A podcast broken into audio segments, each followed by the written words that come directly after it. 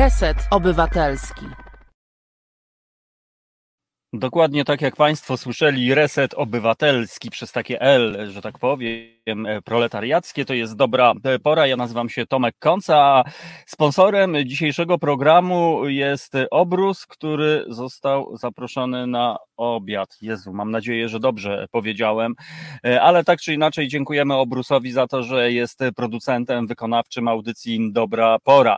Witam bardzo serdecznie słuchaczy, a właściwie słuchaczki i słuchaczy. Witam bardzo serdecznie Asię, która dzisiejszy program realizuje i mam nadzieję, że będzie realizować bez żadnych interferencji, jako że dzisiaj w okolicy kapsuły nadawczej wyjazdowej, a właściwie ambasady Resetu Obywatelskiego dzisiaj nic nie pada, więc pewnie nie będę musiał biegać z kabelkiem, żeby mieć z wami tak zwaną łączność.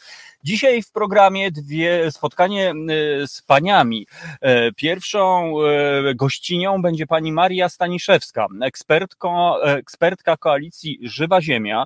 E, no właśnie, mam nadzieję, że wiecie, że istnieje taka koalicja, a jeżeli nie, no to e, się dowiecie. Porozmawiamy o publicznych konsultacjach drugiej wersji planu strategicznego dla wspólnej polityki rolnej 2023, e, czyli 2023-2027. To jest naprawdę mega, mega istotna historia.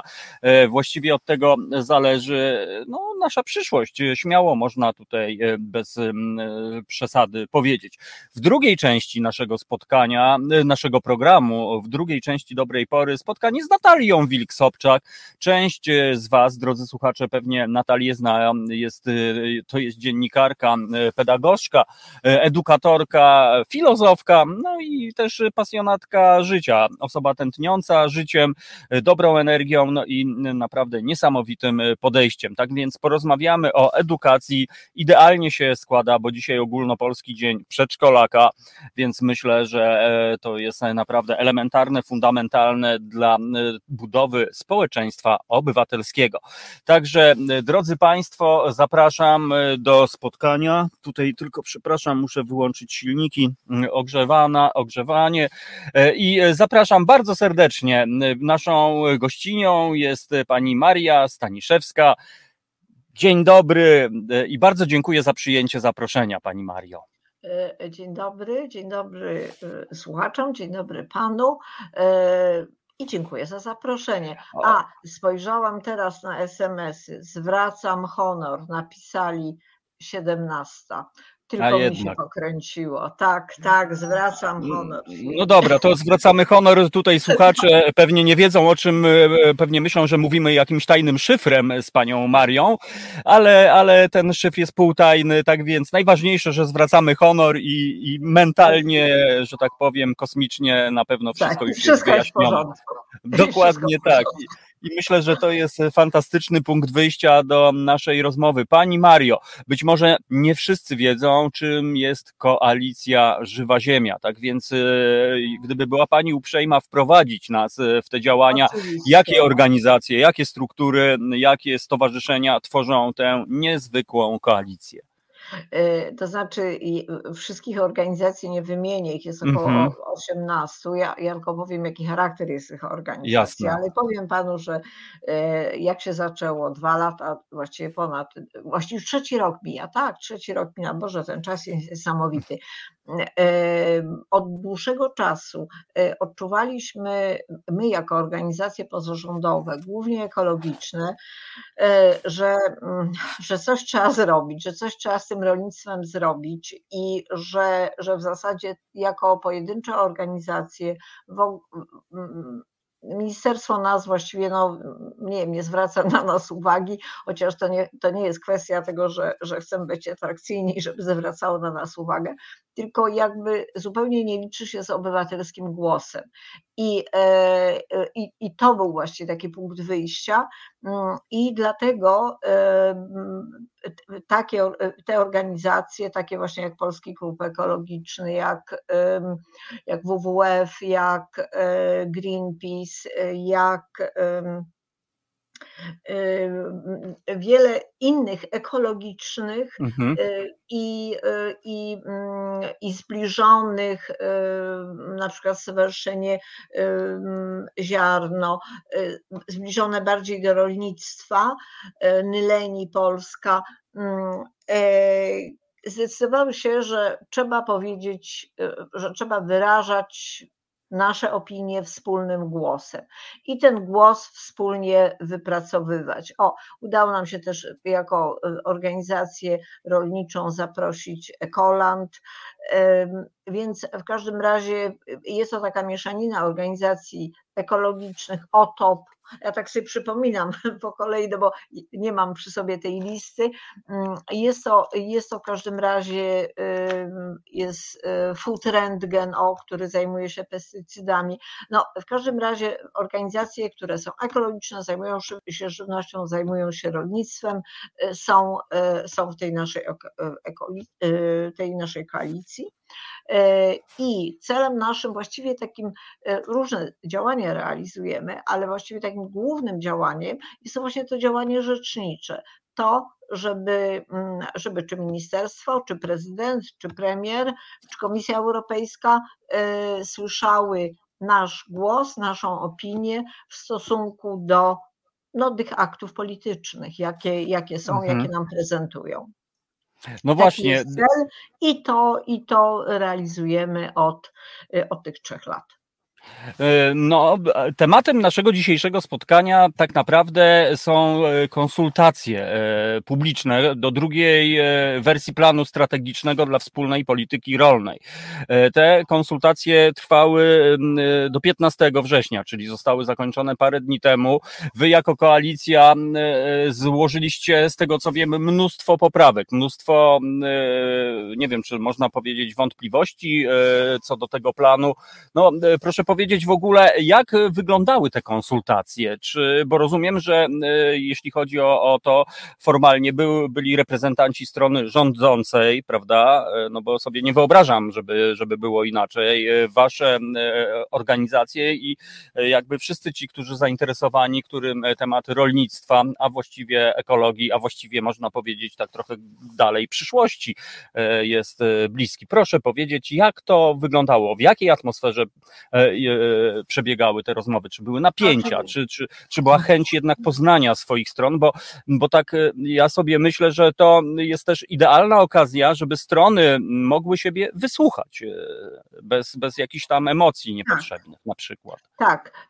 I ja tu muszę, zacznę od tego, zacznę od tego, mhm. że mm, to, prawda, może, może to jest banał, ale to, y, prawda, ta wspólna polityka rolna y, decyduje o tym, jakie mamy środowisko i co mamy na talerzu.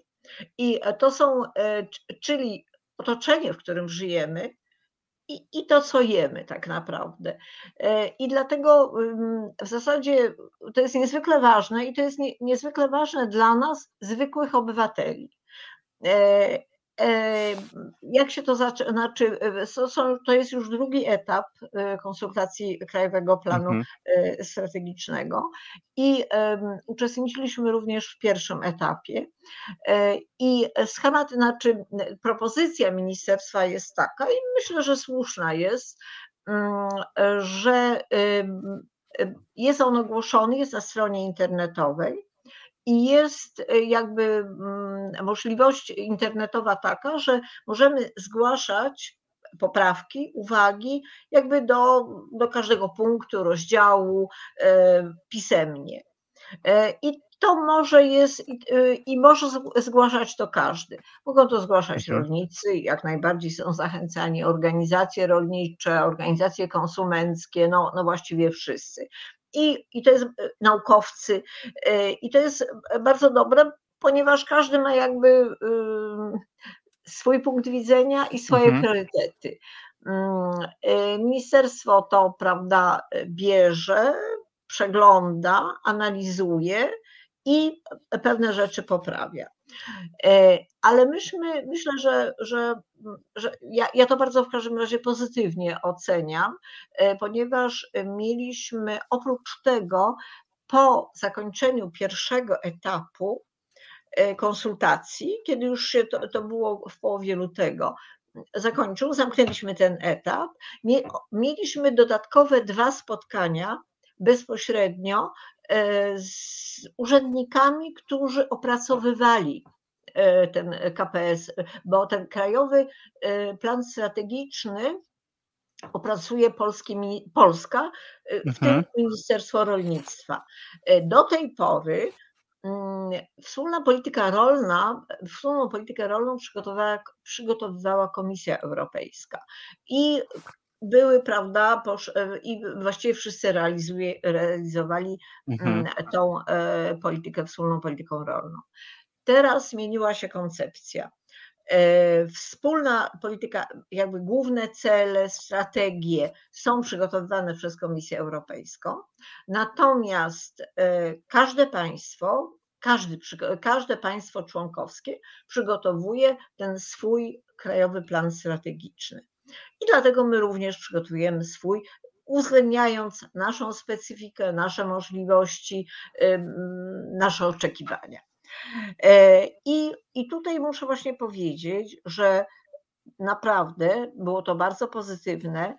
Mieliśmy dwa razy okazję się spotkać z, z, dyrektorami poszczególnych departamentów, którzy właśnie pisali poszczególne rozdziały, wytłumaczyć swoje kwestie, dlaczego my to tak widzimy, a nie inaczej, a oni też pokazywali swoje argumenty, prawda? Dlaczego tak zwrócili na to uwagę. I ja uważam, że te spotkania były naprawdę bardzo pozytywne.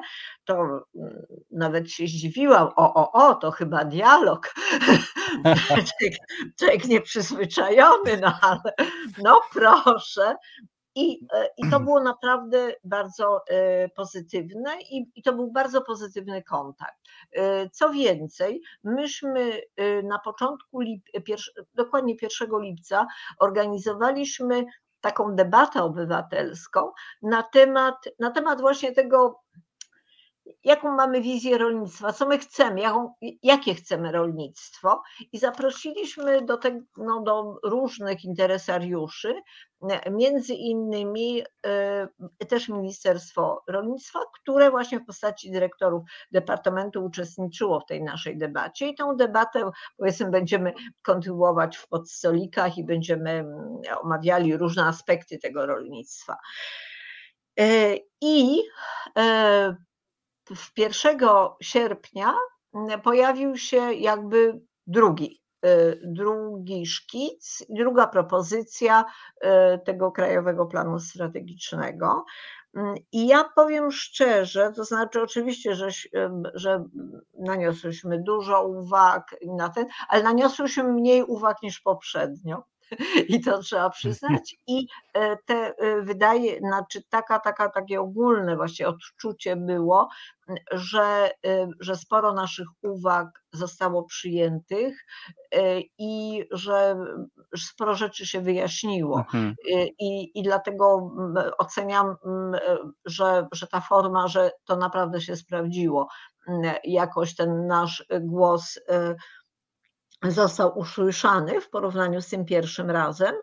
E, a, a teraz, no teraz oczywiście te, też miałyśmy, można powiedzieć, że nie do końca został usłyszany, ale jak to pani dyrektor departamentu nam wytłumaczyła, mówi, proszę Państwa, zgłaszają również uwagi duzi producenci, przemysłowi producenci i oni, zapewniam Państwa, że mają zupełnie inne uwagi niż Państwo, zupełnie w przeciwną stronę, a my musimy to wszystko wyważyć.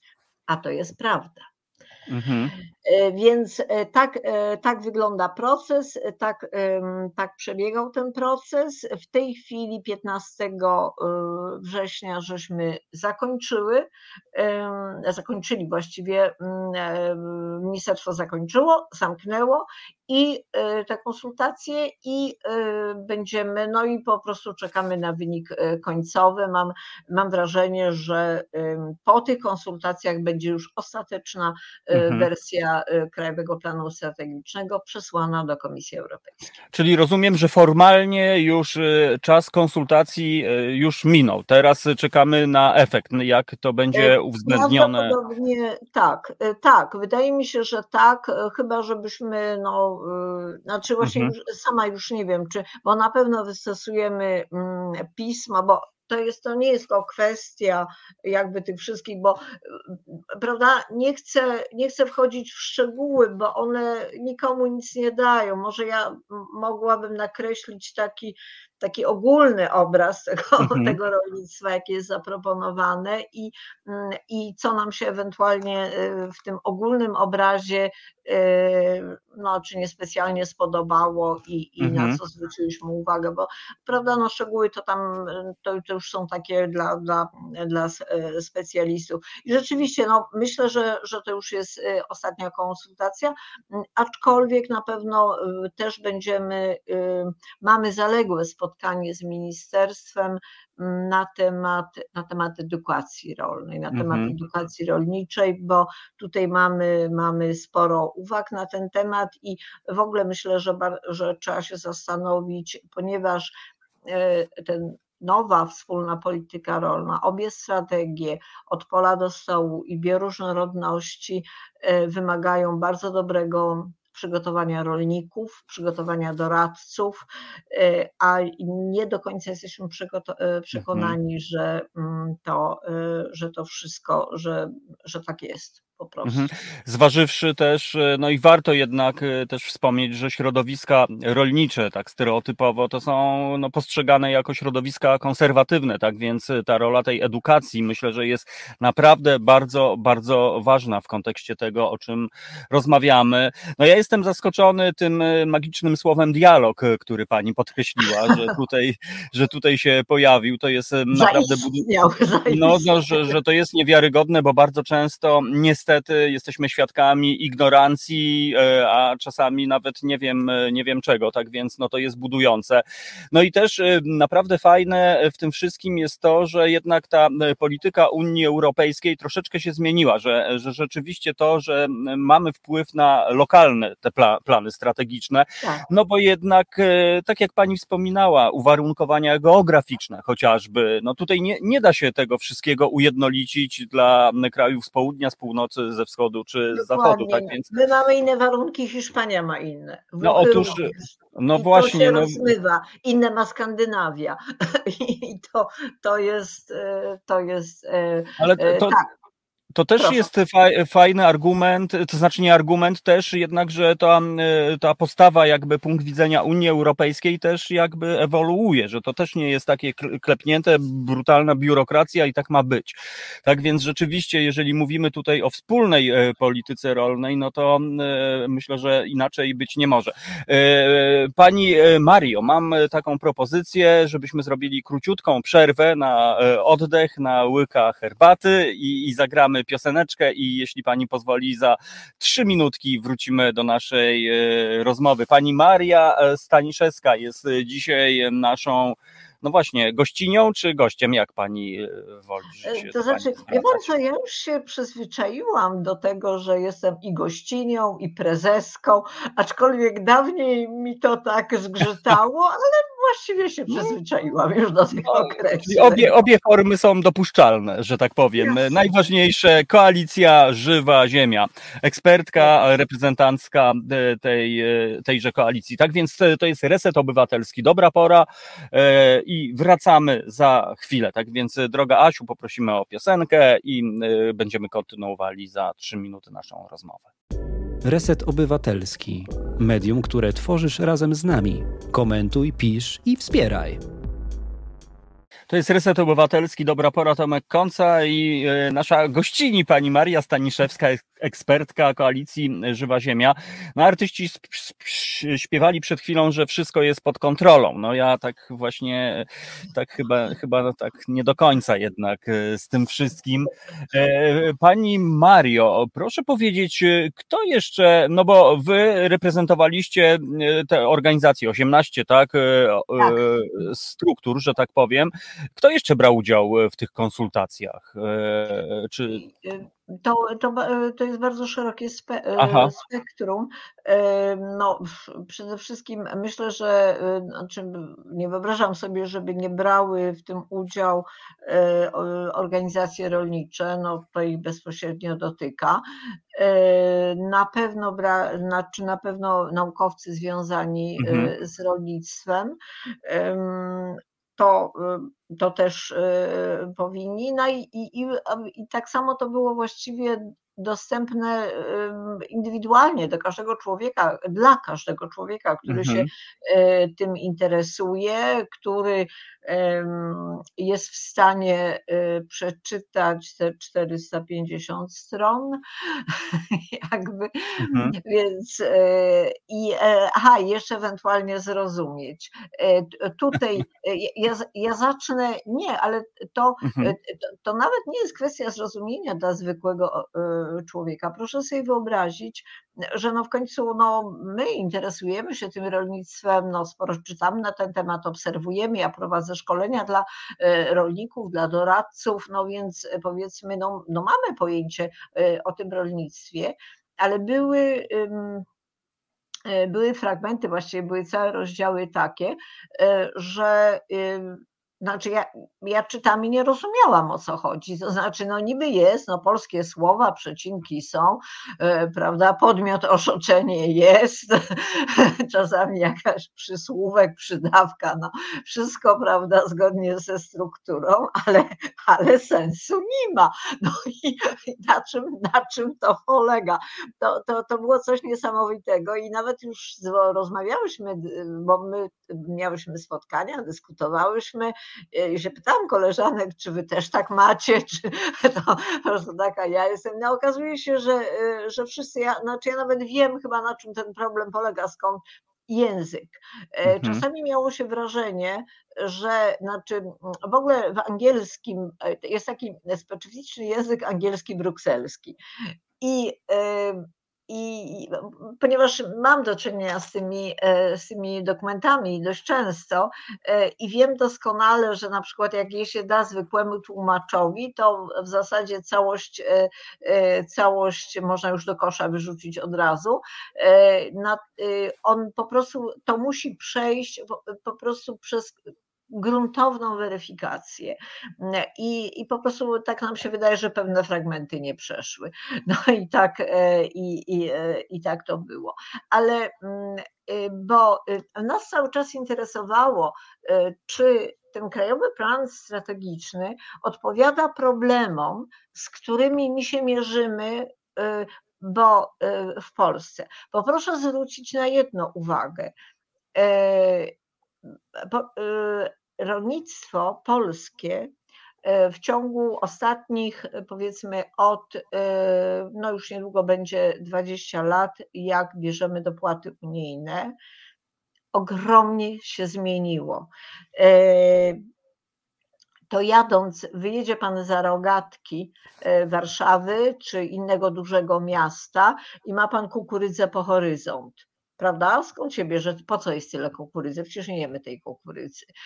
E, jest, e, e, widać, ewidentnie widać duże monokultury. I może mniej widać, one się mniej rzucają w oczy, chociaż czasami się uda, y, rzucają, zwłaszcza w niektórych województwach. Y, ogromne tuczarnie, tuczarnie świń y, i, i ogromne przestrzenie, znaczy budynki przeznaczone dla tuczenia kurczaków, prawda, dla, dla ptaków. To się wiąże z tym, że my jesteśmy nie wiem, y, już tego ostatnim razem, jak śledziłam statystyki, byliśmy trzecim eksporterem w Unii mm, drobiu. E, czyli my nawet nie, nie zjadamy tych kurczaków, e, a e, jeżeli chodzi o, o trzodę chlewną, to, czy krótko mówiąc świniaki, to się taka, taka, mm, też ich nie jemy tak dużo, Co gorsza, jakby ciągle mówimy sobie o jakimś tym świńskim dołku, prawda? Ciągle te ceny są nieadekwatne do, do i mm, jakby do pracy rolnika e, i, i o co prawda? I, mhm. I ciągle mamy te ceny, te ceny w dół idą, jest ASF, e, winne są dziki i tak dalej, i tak dalej, i taka dalej bajka e, trwa. E, a w tej chwili powoli zaczyna się upowszechniać i to jest rzecz, która jakby moim zdaniem się w ogóle wymyka nam, naszym statystykom, Ministerstwu Rolnictwa spod kontroli tak zwany nakładczy chów świń. To już jest Wielkopolska, e, to już są Kujawy, e, znaczy Kujawsko-Pomorskie, to już jest, to jest zachodniopomorskie. W tym, w tym. Na czym to polega? Polega to na tym, że Duńczycy przywożą małe prosiaki do rolników, podpisują z nimi kontrakt. I te y, prosiaki są intensywnie tuczone 3, 3 miesiące, 3,5 miesiąca, a następnie odwożone y, do, y, do Danii. Niemcy też zdaje się coś takiego robią. Dlaczego tak się dzieje? Dlatego się dzieje, że społeczności w Danii, wiejskie społeczności, energicznie protestują przeciwko takiemu chowowi, ponieważ y, no nie, to jest taki typ chowu, który nie ma szans, żeby nie powstawały zanieczyszczenia, odory i uciążliwości dla mieszkańców, którzy, są, y, którzy mają swoje domy y, zlokalizowane w pobliżu. Po prostu nie, nie ma takiej opcji, nie ma, nie ma takiej technologii nie ma takiej możliwości. I proszę zwrócić uwagę, że te prosiaki, one jakby się wymykają spod statystyk, -hmm. ponieważ one są zakolczykowane w Danii, prawda? I wracają do Danii. One tylko u nas się, tak, una, u nas się tylko tuczą, no, i zanieczyszczają wody, powiem delikatnie. No właśnie, to e, jest e, niewiarygodne, no po prostu. No e, tak, ale minister powiedział, że niech sobie rolnik zarobi. Tylko ja mam takie pytanie, dlaczego rolnik ma zarabiać kosztem społeczeństwa? No właśnie, i tutaj y, dotykamy znowu trochę punktu wyjścia, e, edukacja, bo ja mam wrażenie, że chyba, że to powinno być y, fundamentalne.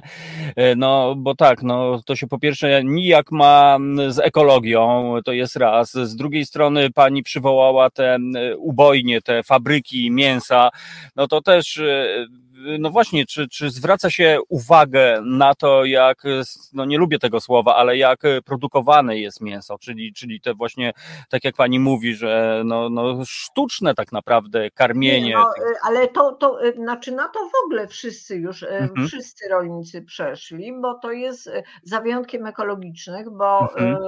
ekologiczna, zasady chowu ekologicznego nie dopuszczają tych rzeczy, ale są tak kukurydza, proszę pana, na tych polach mhm. w dużych ilościach, bo to dla tych zwierząt, nie dla nas.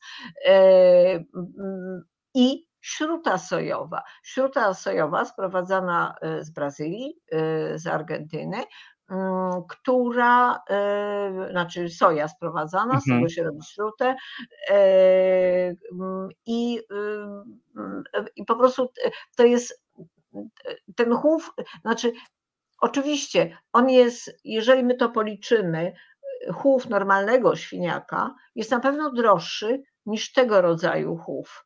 E, mhm. Ale nikt nie liczy kosztów środowiska. E, I e, co więcej, zwierzęta są w takiej koncentracji, mm, gdzie gdy jedno zwierzę zachoruje, właściwie chorują wszystkie, to, to po prostu to się roznosi. Co się robi? Daje się antybiotyki. E, regularnie dostają do paszy. E, I, które później my jemy przecież, prawda? W postaci. Znaczy albo, znaczy, albo my zjemy, jak one zostaną i nie ma, znaczy nie, jak jest okres mhm. karencji, to my tego nie zjemy. No to one zostaną wydalone, ale się znajdą w wodzie. Mam, mam do czynienia mm, z badaniami naukowców, którzy robili badania wody w okolicach dużych ferm zwierzęcych. W wodzie są antybiotyki. Antybiotyki są stwierdzone w wodzie. I po, a poza tym jesteśmy jesteśmy największym importerem antybiotyków właśnie do pasz, bo to, to są specjalny rodzaj antybiotyków zwierzęcych. Ludzie nie dostają tych antybiotyków. Mhm. To są, znaczy można rozróżnić, to są zwierzęce antybiotyki, dla, przeznaczone dla zwierząt. W, w Europie jesteśmy największym importerem. E, no, i do czego zmierzamy? Wracamy do wspólnej polityki rolnej, wracamy do KPS-u. I na to niestety nie ma odpowiedzi. Na to nie ma, e, nie ma e, odpowiedzi e, w, mm, w KPS-ie. Co więcej, w zasadzie i intensywne rolnictwo, i intensywny chów zwierząt jest jakby jest, jest kierunkiem de facto rozwoju naszego rolnictwa.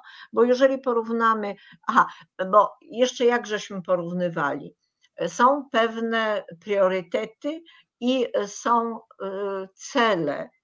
Y, Komisja Europejska wyznaczyła każdemu i Unii Europejskiej, mhm. i każdemu państwu cele. I jednym z celi jest 25% rolnictwa ekologicznego w Unii Europejskiej. No to ach, niech pan redaktor zgadnie. Niech pan zgadnie, ile my, jaki my mamy cel. Ile no, procent rolnictwa ekologicznego? Trzy. Strzela. No, 3,54. E, ja powiem pani, ja, ja, ja, na wsi mieszkam, e, więc Aha, e, też, też patrzę i niestety widzę, co się dzieje. No to jest niesamowite. Ja mam jeszcze też taki głos od naszej słuchaczki. Pani pozwoli, że, że przeczytam komentarz od pani Mirosławy. Czemu w Polsce praca w obronie ziemi jest zawsze na samym końcu E, słupków poparcia. No przecież w końcu mówimy tutaj o naszej przyszłości tak naprawdę, no bo, bo chyba to o to tu chodzi, no bo to wszystko się właśnie składa. Dlaczego tak jest, e, proszę nam powiedzieć? To jest dobre pytanie. E, ja myślę, że na skutek zmian, które zaszły, zmian również socjologicznych, jakie zaszły, mhm. mimo że, że 38% społeczeństwa mieszka na wsi, my jakoś nie kojarzymy tego, co kupujemy w sklepie z formą produkcji i z formą traktowania ziemi. Pani poruszyła bardzo ważną kwestię, też to omówię, ziemia. E, tak się, tak się składa, no tak się geograficznie składa, no przeleciał te ileś milionów lat temu ten lądolud przez tą Polskę, Mach przeleciał i zgarnął, e, zgarnął humus. I e, do tej pory się na tego większości gleby w Polsce są po prostu słabe. Tylko na obrzeżach my mamy gleby pierwszej, drugiej, trzeciej klasy, prawda, i na zachodzie, i na wschodzie mamy lepsze. No, na południu są góry, e, no, na przykład w opolskim są nie najgorsze te gleby, natomiast całe centrum e, Polski to są gleby głównie piaszczyste, to są słabe, piaszczyste, bielicowe, czarne, w każdym razie to są, to są słabe gleby gdzie y, procent y, próchnicy jest na poziomie, waha się od 1,5 do 2,5. W Niemczech, w ogóle w Europie Zachodniej to jest około 4,5, więc to jest zasadnicza różnica. I, y, i właściwie, a ten sposób rolnictwa, E, jakim jest używanie nawozów sztucznych, używanie pestycydów, nie pomaga, nie buduje tego humusu, który jest podstawą żyzności gleby i naprawdę y, mało kto zwraca na to uwagę. Nie, nie mówi się tego w szkole, bo ja badałam programy e, e, rolne. Oni, uczniowie się uczą, jakie mają dawki stosować, na, żeby rośliny rosły. I tak jak żeśmy rozmawiali też tutaj w takim, takim gronie, tutaj niedawno miałam takie seminarium, że do pewnego momentu to sypanie tych nawozów sztucznych działa, działa, rzeczywiście się wydajność poprawia, aż w pewnym momencie to się załamuje i nic. I możemy i sypać, i sypać, i nie rośnie. Po prostu nie, bo ta ziemia jest martwa i koniec. E, więc e, dlatego zwracaliśmy uwagę na to, żeby były że pojawiały się, no, to się teraz nazywa ekoschematy e, albo interwencje, no, takie słownictwo jest, ale w każdym razie propozycje, żeby ta ziemia była bardziej bogata, żeby stosować, żeby stosować obornik, żeby stosować kompost, który wzbogaca tą ziemię. Takie programy są, nie można powiedzieć, ale jest ich daleko za mało jak na nasze potrzeby. Mhm. I na to no też i dla, uwagę. Y, y, dla niektórych to też może być y, takie trochę cofnięcie się w czasie, no bo ja pamiętam zasady trójpolówki, kiedy trzeba było przecież, no, no skądś ona się wzięła, żeby ta ziemia sobie pooddychała, prawda? E, dokładnie, to, to, to wcale nie było takie głupie, to mhm. raz, a dwa, i to znaczy to teraz się nazywa płodozmianem, mhm. E, znaczy jakby e, materii. Rozumiem. Jest, tak, i to jest szalenie, szalenie ważne, dlatego że w jakiejś tam części w jednym roku wprowadza się rośliny bobowate, które z kolei asymilują azot z powietrza i wprowadzają do gleby. Mhm. A poza tym musimy pamiętać, że jeżeli my użyjemy tego kompostu, użyjemy tego obornika, on, azot zawarty tam jest w wersji organicznej. To znaczy, y, a rośliny konsumują azot mineralny. Ten proces postępuje i, y, i jest to tak mniej więcej, no jedna trzecia się mineralizuje w ciągu roku i te rośliny są w stanie pobrać y, to i wtedy jest mniejszy spływ azotu do, mhm. do wód powierzchniowych. I to jest szalenie ważne, po pierwsze ze względu na zanieczyszczenie wód, na eutrowizację, mm, ale też jest ważne, że, że po prostu ten azot się właściwie wykorzystuje i te rośliny do wzrostu wykorzystują, a nie y, jest zmywany. Że ta gleba, dbałość o glebę jest czymś absolutnie kluczowym i jak pani słusznie zwróciła uwagę, my nie, nie rozumiemy tego, dlatego jest, ponieważ jesteśmy tak wychowywani i tak edukowani, nawet w szkołach rolniczych, że wystarczy posypać i rośnie. I już. No właśnie, to jest przerażające i przykre i naprawdę e, smutne. Pani Mario, e, no, no cóż, powoli musimy kończyć e, nasze spotkanie. Ja e, komisyjnie bym chciał Panią zaprosić, e, być może za e, dwa tygodnie, jeżeli znalazłaby Pani też czas, żeby porozmawiać o, o, o pakcie społecznym dla polskiego rolnictwa, dla odmiany po tak, prostu. Bardzo, bardzo chętnie o tym porozmawiamy, bo to jest też szalenie ważna sprawa. Ważna dlatego, że, y, że my musimy sobie zdawać sprawę, jak ważne jest to rolnictwo dla nas, dla nas, dla naszego życia i dla naszego środowiska i otoczenia. I, y, i dlatego i do tego paktu są zaproszeni przede wszystkim też rolnicy, którzy też muszą zdawać sobie sprawę, jak mają ważne narzędzie, jak, jak to dla nich samych jest e, to mhm. ważne, e, dla ich przeżycia, dla ich dochodów, w ogóle dla przyszłości, dla przyszłości ich dzieci taka jest prawda. No właśnie, umówmy się, no bez, brutalnie mówiąc, bez jedzenia nie żyjemy, tak więc no. to, to, to wydaje się, przykre, że, to, że to jest przykre. No trochę przykre, ale, ale tak jest I, i, i dziwi mnie to, że to, że, że nie ma takiej e, debaty, takiej dyskusji społecznej, takiej, że tak powiem brzydko mainstreamowej, że, że niestety, tak jak właśnie tutaj mówiliśmy o tych słupkach poparcia, kompletnie to jest dla mnie niezrozumiałe. Mam wrażenie, że tutaj coś stanęło na głowie i te priorytety absolutnie są e, pomylone, ale przynajmniej e, my mamy Reset Obywatelski, mamy panią ekspertkę, panią Marię, e, która reprezentuje szereg organizacji, struktur, którym jednak przyszłość, zdrowie, i taka świadomość jest jednak bliska. Tak więc Pani Mario, ja się odezwę i, i, i, i bardzo się cieszę, że porozmawiamy o tym pakcie, bo, bo to naprawdę jest no, bardzo ważne i, i, no, i najważniejsze, jeżeli... żeby ludzie o tym wiedzieli. Słusznie. I ja jeszcze jedną rzecz, mogę pan, jeżeli mogę panu podsumować. Tak, tak, bardzo proszę. To rolnictwo i woda. Tu jest, y, tu jest problem i to, to też to po prostu nam rzeczywiście mhm. zagraża, zagraża, zagraża naszemu przeżyciu, taka jest prawda.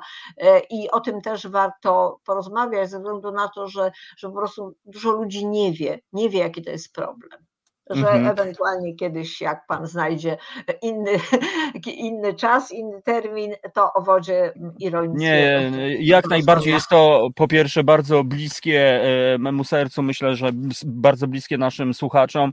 No i, i gdzieś tam e, cały czas kołacze mi ten wątek edukacyjny, bo naprawdę przerażające jest to, że mamy XXI wiek, rok 2021, a niektórzy ludzie myślą, że rzeczywiście woda bierze się z kranu.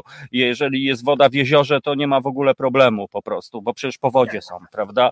Tak więc. Tylko nie wiedzą, jaka to jest woda. No, i... no, no więc, no więc, no więc właśnie, tutaj widzę tą rolę edukacyjną e, tej, e, tego, co robimy. E, pani Mario, no z przyjemnością po pierwsze się z Panią rozmawiało, Pani wiedza jest oszałamiająca, no i, i myślę, że, że też przesłanie jakby ta droga jest no, naprawdę bardzo ważna. No, chciałem powiedzieć moim takim ulicznym językiem, cholernie ważne jest to po prostu, co. co jest, co, ale ja się z tym zgadzam. No, no to na tym stanęło. Myślę, że najpóźniej za dwa tygodnie, e, jeżeli uda się synchronizować terminy, e, spotkamy się ponownie w naszym studniu. Bardzo, bardzo Pani dziękuję. Pani Maria Staniszewska, ekspertka koalicji Żywa Ziemia, była naszą gościnią. Bardzo dziękuję. Również bardzo serdecznie dziękuję. Do widzenia, do widzenia Państwu.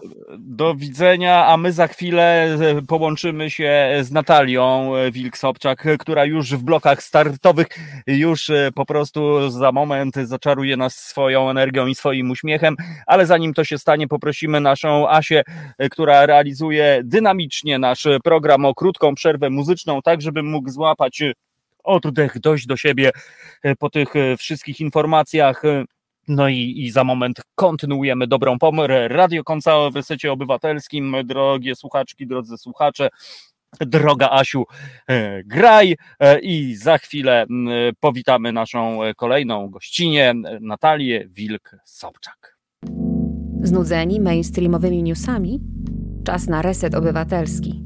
Zaangażowane dziennikarstwo. Reset Obywatelski, dobra pora, Tomek Konca, czyli Radio Koncao, a my y, łączymy się z Natalią, z naszą y, gościnią, Natalia Wilk-Sobczak. Dzień dobry, Natalio. Dzień dobry, dzień dobry, cześć. No, cześć. mówiłem, mówiłem, po prostu energia, Dobrze y, uśmiech.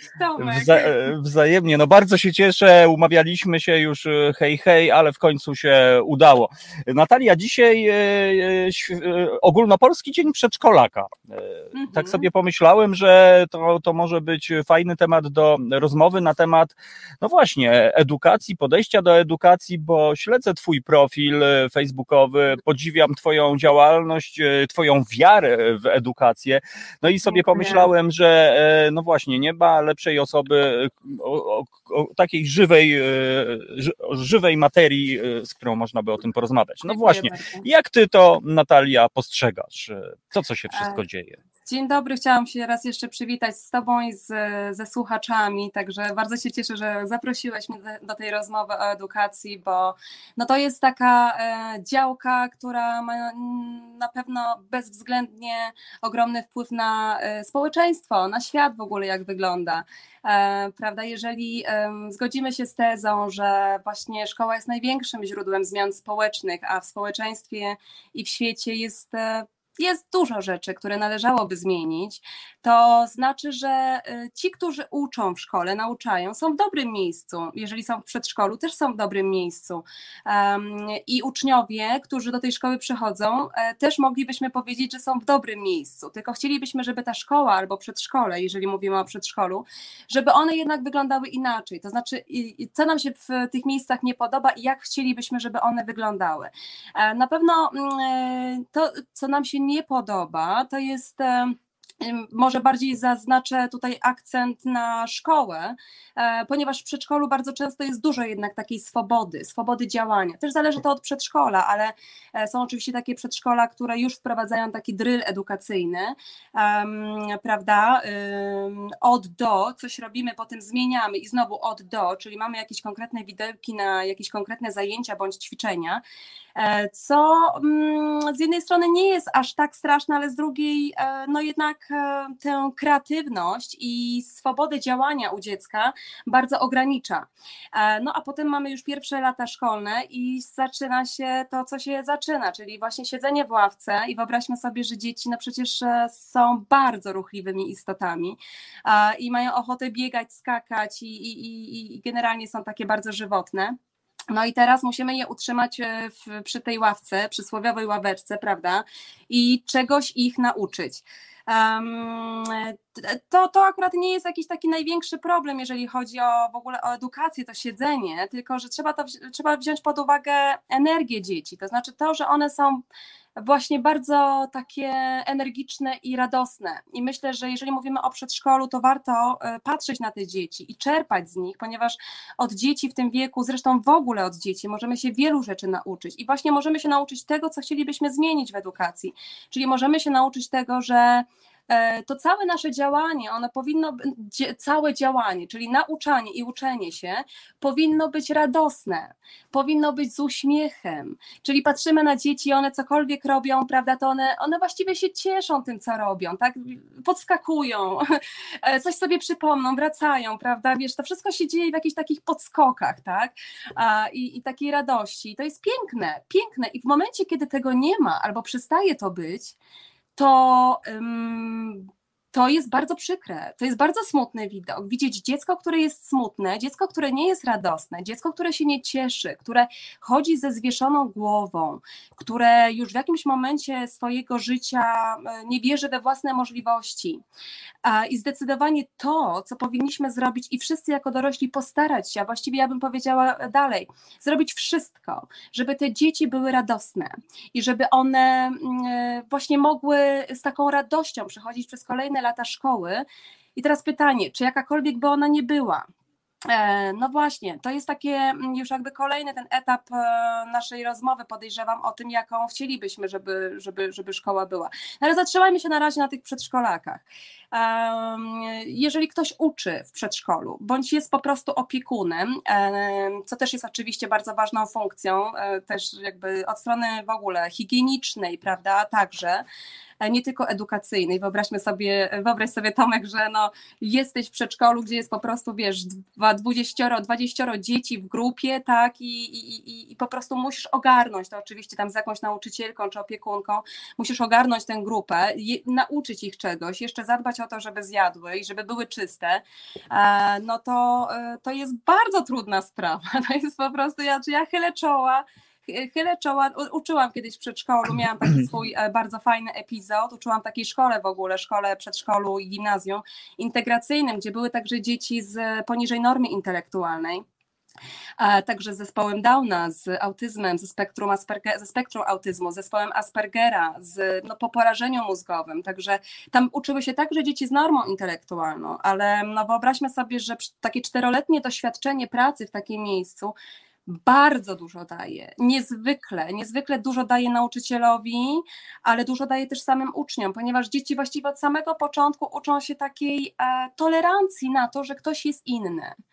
I bardzo tego potrzebujemy w dzisiejszym świecie, prawda? Żeby właśnie siebie szanować przede wszystkim, nie tylko tolerować, ale siebie także szanować, e, pomimo tego, czy może właśnie też dzięki temu, że ktoś jest inny. Mhm. E, I, I właśnie taka inność w, w rodzaju e, tych dysfunkcji intelektualnych e, na pewno powodowała to, że te dzieci z normą intelektualną po prostu w zupełności akceptowały daną osobę. W zupełności, tak? Ponieważ te kilka tygodni, kilka miesięcy, czy, czy, czy, czy, czy więcej niż rok dały im już takie mm, mhm. umiejętności do tego, żeby właśnie przyzwyczajać się do tej inności. Mhm, Natalia, tak. pozwól e, tutaj, e, że, że wejdę Ci w słowo. Widzę pewną analogię do rozmowy, którą prowadziłem tydzień temu e, a propos sportowców niepełnosprawnych, że niepełnosprawni dlaczego muszą uczestniczyć w paraolimpiadzie w gruncie rzeczy, że jest to jednak jakaś taka forma stygmatyzowania, mimo wszystko, zupełnie niepotrzebna. I tak sobie myślę na temat w ogóle przedszkola, szkół integracyjnych. Czy to słowo integracyjne powinno tutaj e, być, bo, bo to też już w tym momencie jakaś gdzieś tam stygmatyzacja dla tych uczniów, e, tych zdrowych i tych nie do końca.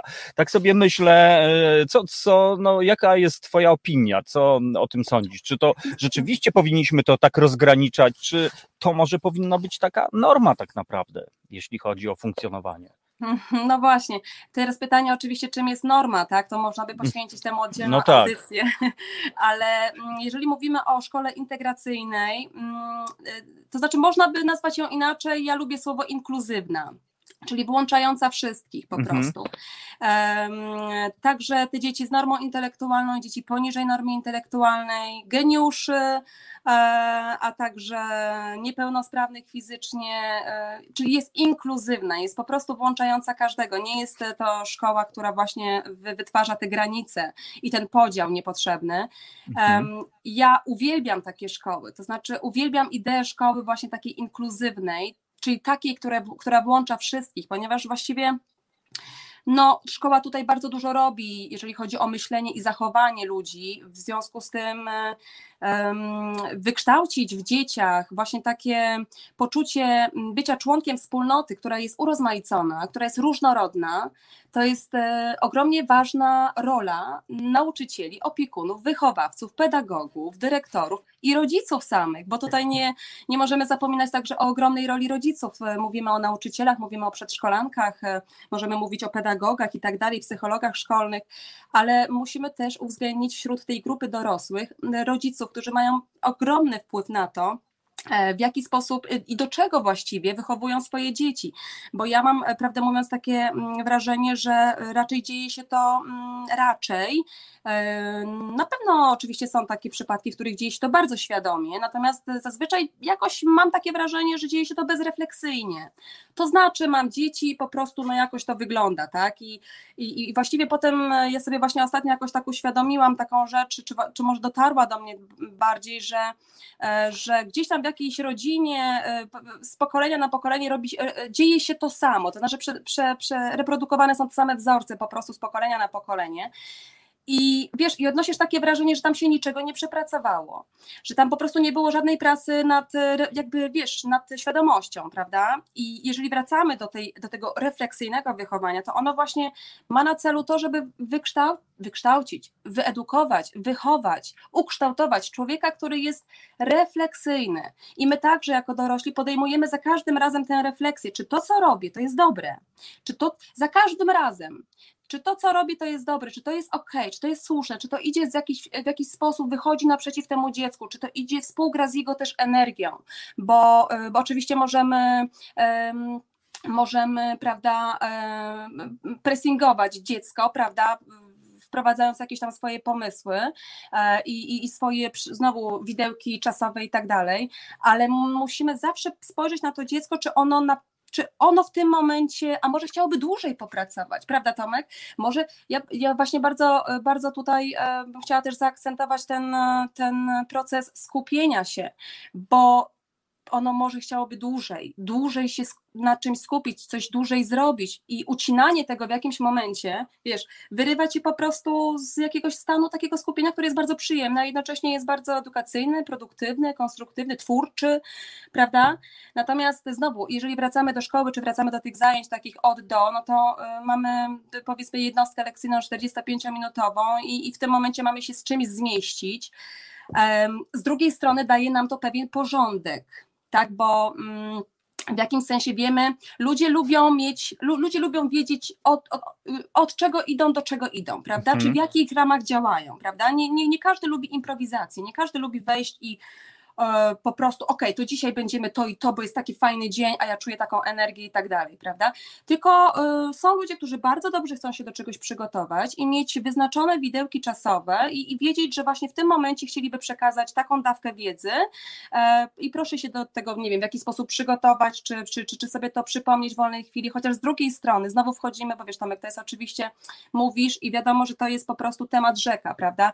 Wchodzimy w, w, w, w, w, w ogromne prace domowe, prawda? W ogromnej ilości jakichś zajęć, zadań, które są pozaszkolne czy pozaprzedszkolne, e, które moim zdaniem są rujnujące dla relacji dziecka i rodzica.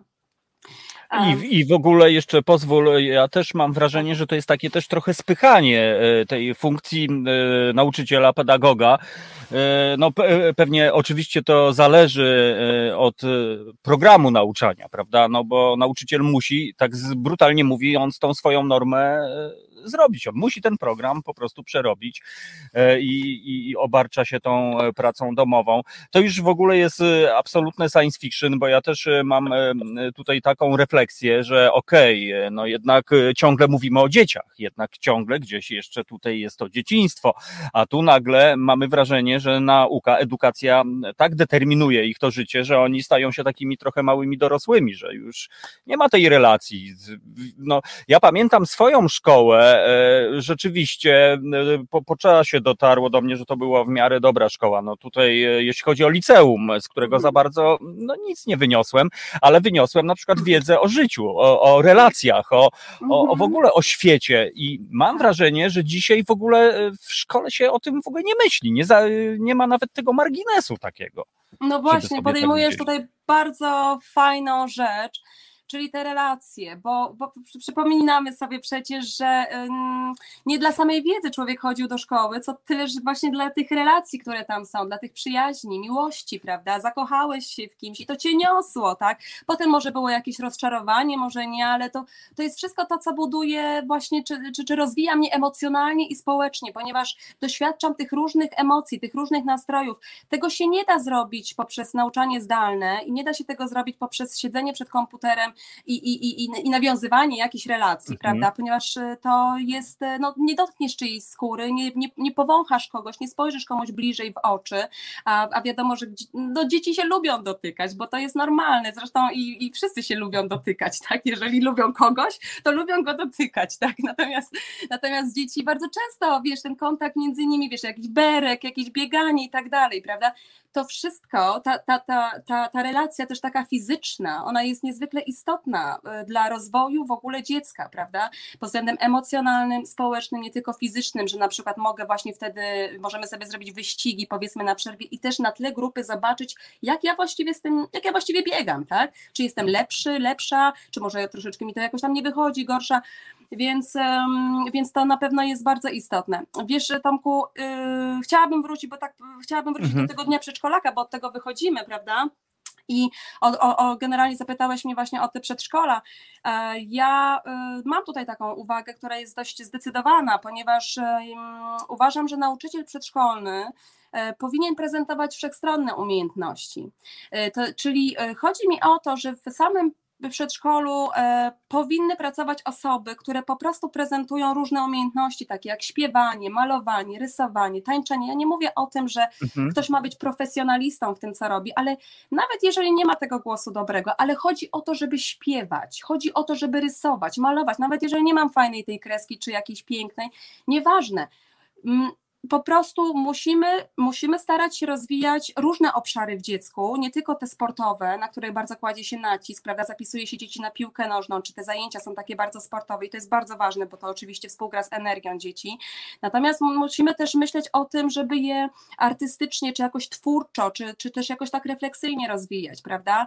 E, I dlatego ja bym tutaj bardzo optowała za tym, żeby mm, ci nauczyciele przedszkolni to nie byli e, znaczy to, żeby, no może to faktycznie będzie taka dosyć mocna uwaga, ale ale oczywiście każdy może pracować z dziećmi, jeżeli chce. Tak? No, jestem na przykład po marketingu i chciałabym pracować w przedszkolu i, i mam jakieś pomysły na to, żeby z tymi dziećmi współpracować, prawda?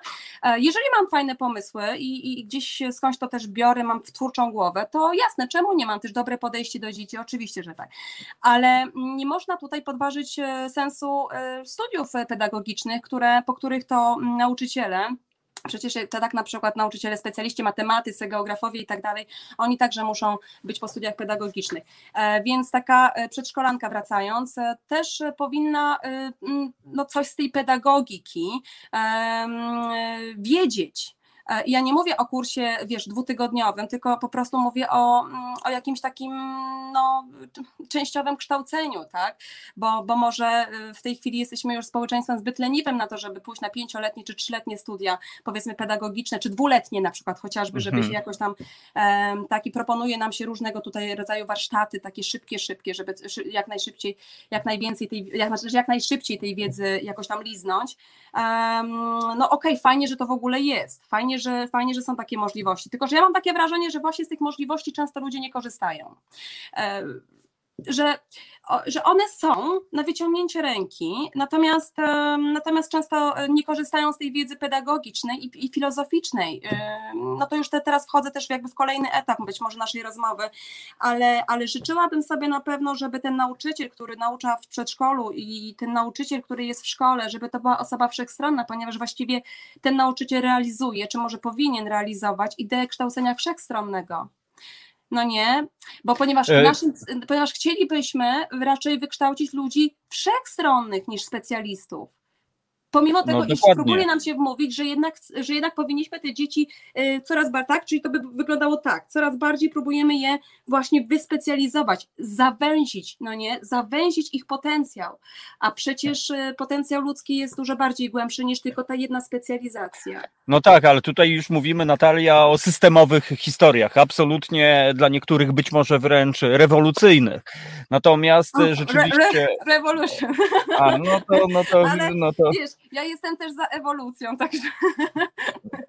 E, Okej, okay. na, na, Natalia, wróćmy, wróćmy tak. jeszcze do, do przedszkola, do naszego punktu wyjścia, bo ja jestem absolutnym zwolennikiem teorii tak zwanego beztroskiego dzieciństwa. To znaczy, e, można tutaj oczywiście no, założyć te barierki, że kiedy już idziemy jednak do tej pierwszej klasy, tej szkoły podstawowej, to jednakowoż już gdzieś tam ta beztroska już, już tam ze 100% robi się 70 powiedzmy procent, tak, ale tak. Patrząc na niektóre przedszkola, które, e, które właśnie wprowadzają, tak jak sama powiedziałaś, już jakieś, e, już jakieś ukierunkowanie, już jakieś takie działania, gdzie, gdzie no trochę to ma się na bakier mimo wszystko z tą właśnie beztroską i no właśnie, jak, jak ty to widzisz tak. ten temat? To jest e, piękne, wiesz, e, to jest piękne, piękne, co powiedziałeś, bo ta beztroska jest e, czymś, co w jakimś momencie się kończy, prawda? I, i, i w, warto,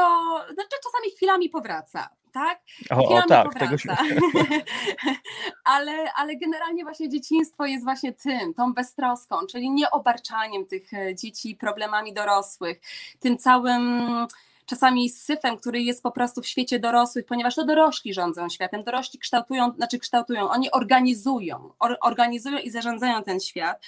I w związku z tym dzieci często nie rozumieją w ogóle tych wszystkich, tych wszystkich niuansów i, i tych spraw, które się wydarzają w, w tym świecie, prawda? One żyją mhm. właśnie taką beztroską, taką swobodą, takim no to jest, ja wiesz, jak obserwuję się dzieci, to ja często sobie przypominam takie zajęcia, wiesz, teatralne, improwizacje wolne, prawda? To wszystko, co one robią, to jest właśnie to, do czego my potem wracamy jako ludzie dorośli, ponieważ chcemy sobie odnaleźć właśnie tę taką, wiesz, giętkość, tak? Jakąś taką swobodę działania, swobodę ciała, yy, też yy, takie E, takie właśnie mm, taką, taki spokój, też skupienie. To jest. E, też taką szczerość dziecięcą prawdziwą, wiesz, bo dzieci nie używają socjotechnik, tylko po prostu odbierają w stu procentach. No. Tak, tak. Natomiast tak, no ta beztroska, wiesz, kiedy mówisz o tej beztrosce, to właśnie sobie jakoś myślę o, mm, o takim spędzaniu jak najwięcej czasu na dworze e, że te przedszkola jednak one są bardzo często oczywiście zorganizowane w budynku. No i okej, okay, no jakby jasna sprawa, y, ale, ale, ale cenię sobie te przedszkola z kolei, właśnie są też takie. Cenię sobie je bardzo, które mm, y, pozwalają dzieciom spędzać bardzo dużo czasu na dworze, prawda? Czy jest zima, śnieg, deszcz, błoto, to nie ma znaczenia, my jesteśmy na dworze i tutaj działamy. I, i, i Tomek, i tam się dzieje tyle rzeczy, prawda? Jak się obserwuje ten świat dzieci, ich świat e, zdarzeń, prawda? Bo to jest świat zdarzeń, a także ich przeżyć, kiedy już wchodzimy w rozmowę z nimi, prawda? Obserwujemy je z boku, jak reagują na coś. To jest, to, to jest, to jest coś po prostu niezwykłego. Tam się cały czas coś dzieje i tak naprawdę nasze tutaj jakieś, e, nasza rola może się sprowadzić właściwie tylko do tego, żeby zadbać o bezpieczeństwo, żeby się nikomu nic nie stało, prawda? Natomiast, e, natomiast już takie tutaj, nie wiem, jakieś kierowanie, takie właśnie dyscyplinowanie czy coś, to to jest, wydaje mi się, już takim zamachem na dziecięcą beztroskę. A, mhm. a, a druga sprawa jest taka, że właśnie na tym podwórku, czy na dworze, czy w lesie, czy gdzieś na łące e, mamy po prostu bezmiar bodźców, bezmiar możliwości do działania. Jest po prostu y, tyle tam rzeczy, o które nawet nie trzeba się kłócić, ponieważ tych patyków i tych, wiesz, liści i kamyczków jest po prostu mnóstwo, więc zawsze sobie można je gdzieś tam znaleźć obok. Więc to jest miejsce, wydaje mi się, które buduje bardzo duży spokój, takie, takie taką, mm, na, na pewno niweluje poziom agresji. E, mhm. Na pewno działa uspokajająco, a wydaje mi się, że to jest to, do czego, znaczy to jest to, czego potrzebujemy. Potrzebujemy potrzebujemy, y, potrzebujemy kontaktu z czymś, co i dzieci także potrzebują kontaktu, tylko że ten kontakt im się odbiera poprzez to właśnie takie, jak mówisz, systemowe działanie, mhm. ale, ale my możemy naprawdę jako dorośli, możemy naprawdę dużo zrobić poprzez nasze y, za każdym razem działanie z dziećmi, czy to jest działanie edukacyjne, wychowawcze, czy po prostu działanie rodzicielskie, żeby dać temu dziecku jak najwięcej beztroski, pomyśleć o tym dziecku, że e, jego dzieciństwo się skończy, po prostu, bo taka jest prawda. Więc dajmy mu tego dzieciństwa jak najwięcej. Dajmy mu mhm. tego y, prawa do dzieciństwa jak najwięcej. Po prostu ono ma do tego prawo i, i, i właściwie zostawmy czasem to dziecko w spokoju, tak? No dokładnie. E, nawet to, to po, ja dzisiaj w swoim porannym programie tak sobie zażartowałem, że, że czasami to stłuczone kolano, czy nawet podbite oko, myślę, że jest o wiele e, więcej warte niż wtłaczanie jakiejś e, historii. Z drugiej strony tak sobie też pomyślałem, że no, być może nie jeden rodzic miałby za złe, że no co się w tym przedszkolu dzieje? Ona, on stoi, nic nie robi, te dzieci latają, no ale to też wynika mi się, wydaje mi się, że wynika z niezrozumienia tak naprawdę tego wszystkiego, żebyśmy naprawdę zrozumieli, że zresztą psychologowie, terapeuci wszyscy przecież mówią, że to jest najważniejszy okres w życiu po prostu człowieka. Wśród nas jest Kasia Bajubaj, która też jest nauczycielką. Tu Cześć, Kasiu. Je, jej zdanie, no w ogóle Kasia, namawiam cię, żeby zadzwonić do studia, bo to jest wspaniała okazja. Myślę, że, że tak, sobie chwilę pogadajmy. Zapraszamy, Kasia, czekamy na telefon.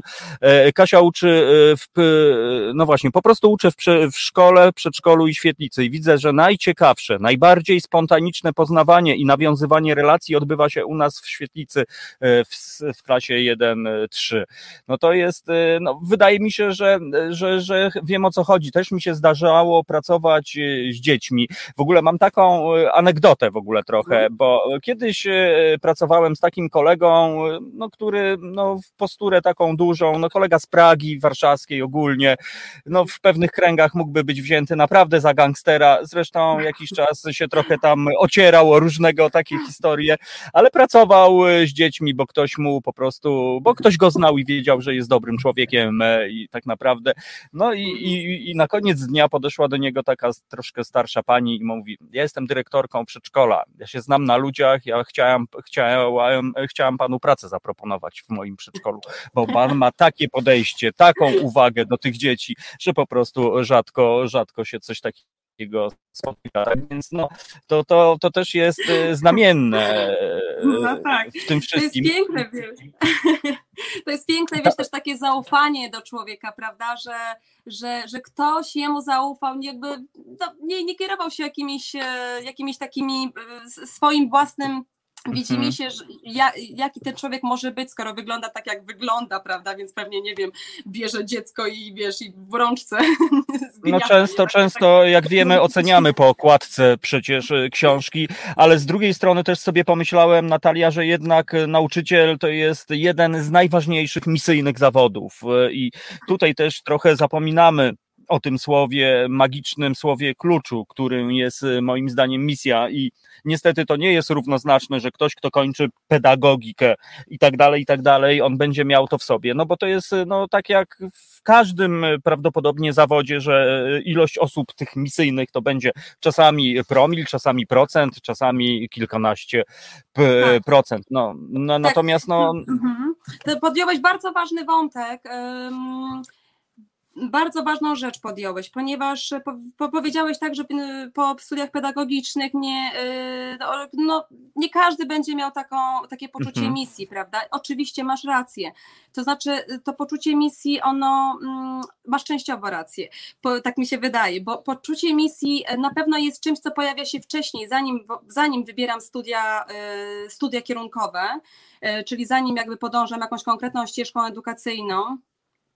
E, gdzieś to już wcześniej musiało zadziałać. Coś musiało się takiego wydarzyć wcześniej, że mhm. właśnie kurczę, mam ochotę. No, dla kogoś na przykład to mogą być e, doświadczenia szkolne. Powiedzmy, że miał do czynienia z kiepskimi nauczycielami albo z jakimiś opresyjnymi i pomyślał sobie, o nie, ja bym tak nie chciała. Y, chciałabym, y, chciałabym uczyć te dzieci w taki bardzo spokojny, bardzo radosny sposób, taki, że będzie im się chciało przychodzić, prawda?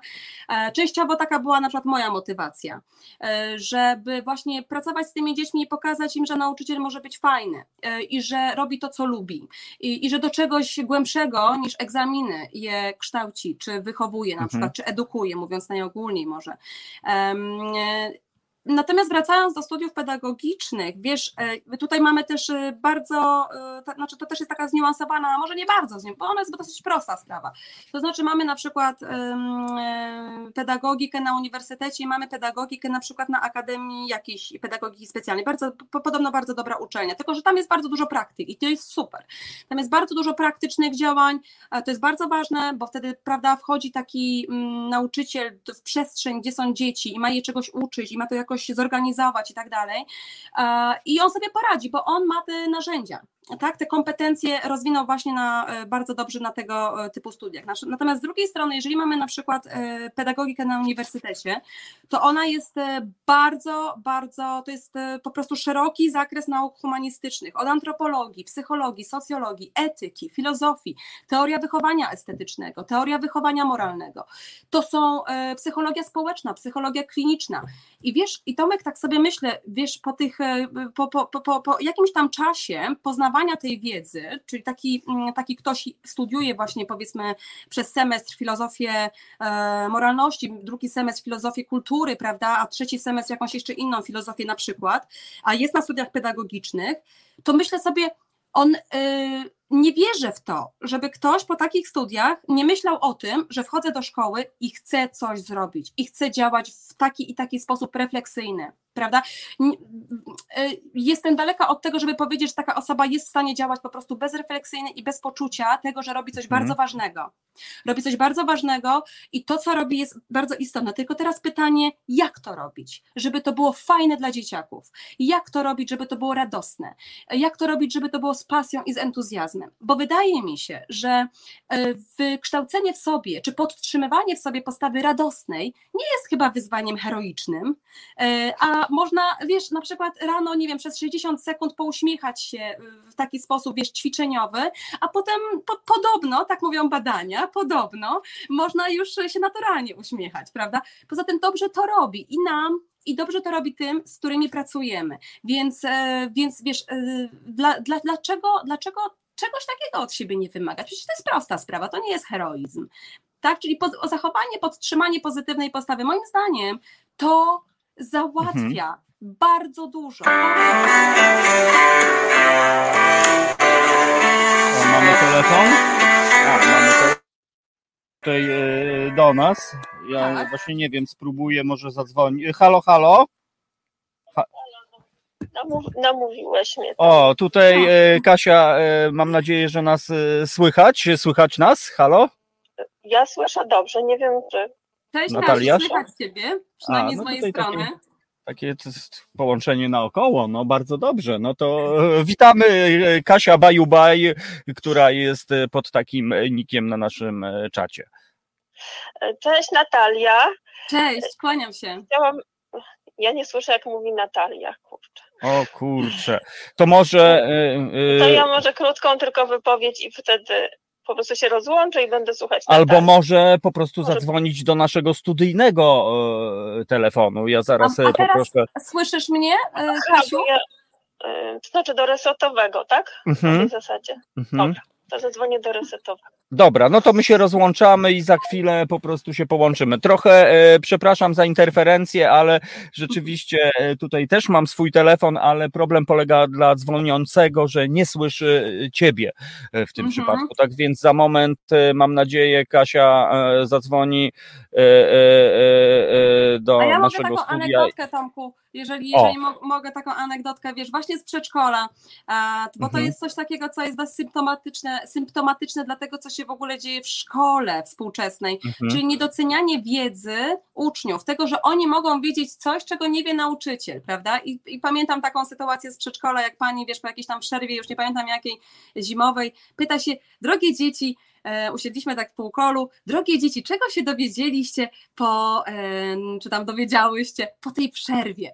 No i wiesz, no, ja, ja tam podnoszę rękę i mówię, że ja się dowiedziałam, że żyją takie ryby głębinowe, które świecą. I wiesz, i pani spojrzała na mnie i mówi, wiesz co Natalia, gadasz głupoty, weź usiądź. I, I wiesz, zgłosiła się tam jakaś inna koleżanka, która mówi, że stolicą Polski jest Warszawa i przez Polskę płynie Wisła. No i okay. to fajnie, nie? Natomiast no, tak, jest... ale ja potem weszłam do tego domu i, mhm. i, I mówię, niemożliwe, żeby mi się to wydawało. Przecież ja to oglądałam w książkach, czytałam to, no niemożliwe. Zaglądam do tej książki, no i oczywiście, że jest, prawda, tylko że wiesz, jakby dla sześciolatka, no to, to on sobie to musi jeszcze potwierdzić, że no przecież widać, tak? Więc wiesz, takie rozczarowania oczywiście, to jest jakby szereg różnych takich zawodów, rozczarowań, no nie? No to, to tylko... jest wzrastające, ale okej, okay, jest z nami Kasia, e, baju baj telefonicznie. Raz jeszcze witamy Cię w konwencji jamańskiej Pull Up, czyli cofamy czas i, i zaczynamy naszą rozmowę. Cześć Kasiu, hej. Cześć Natalia, słyszysz mnie? Cześć Kasiu, cześć, słyszę Cię. E, właśnie chciałam Ci powiedzieć, e, dlaczego ja tak jakoś bardzo świetlica mi się podoba. U nas jest świetlica tylko dla klas 1-3, czyli mamy te dzieci, które e, dopiero co się nauczyły pisać swoje imię, mamy te dzieci, które umieją dodawać i mamy te, które już na przykład znają całą tabliczkę mnożenia. No i przychodzą te dzieci w różnym wieku do świetlicy. Mamy taki kącik, gdzie stoi komputer i tam cały czas taka leci taka gra charytatywna Free Rise i to, to ćwiczą dzieci tabliczkę mnożenia i dodawanie. No i jednocześnie tam są po prostu na ONZ y, takie fundusze przez tą grę przekazywane i tam wokół tego komputera kręcą się różne dzieci w różnym wieku. No i tak jak, y, tak jak na skateparku, jak się uczy ktoś na deskorolce, to chłopcy stoją naokoło, się przyglądają i kiedy się czują gotowi, siadają, y, na to, znaczy chodzą na deskorolkę, podejmują wyzwania i robią coraz trudniejsze triki, sami wyczuwają kiedy. No, tak, tak, samo się dzieje w tych naszych różnych kącikach, to znaczy właśnie e, przy tej tabliczce mnożenia, czy tam e, Lego to nie, Lego to tak bardziej indywidualnie, każdy sobie buduje i kiedy tam chce, to chce. Ale swobodnie, po prostu nie narzucajcie. O, na przykład zadania domowe. Jak młodsze dzieci robią zadania domowe, to często tam chodzą między stolikami starsze i po prostu w naturalny sposób e, po prostu im pomagają, zupełnie bez jakiegoś namawiania, proszenia. Też przy tablicy robi się kącik zabawy w szkołę i, i po prostu, po prostu ja tylko tak patrzę. No właściwie nic tam w tej świetlicy nie robię, można powiedzieć. Naprawdę nic nie robię. Ktoś nie przesadza. Na przykład staram się, jak to jest zaproponować to, żeby nie, nie mówił zróbmy to, tylko czy chcecie to zrobić, nie? Takie, takie, albo żeby za mocno nie krzyczał już jak się jest tą nauczycielką, się bawi tą... Nie, mam jeszcze wyjście na, na taką łączę i po prostu jak chcą grać w piłkę, to lecimy grać w piłkę. Nie wiem, tak wszystko się dzieje po prostu właśnie tak jak ty mówisz, tak się dzieje samo. Starsi uczą młodszych, no po prostu raj, no. E, Kasiu, czy ty mnie słyszysz? Halo, halo? E, czy Kasia mnie, Kasia mnie słyszy? Tak? Słyszę.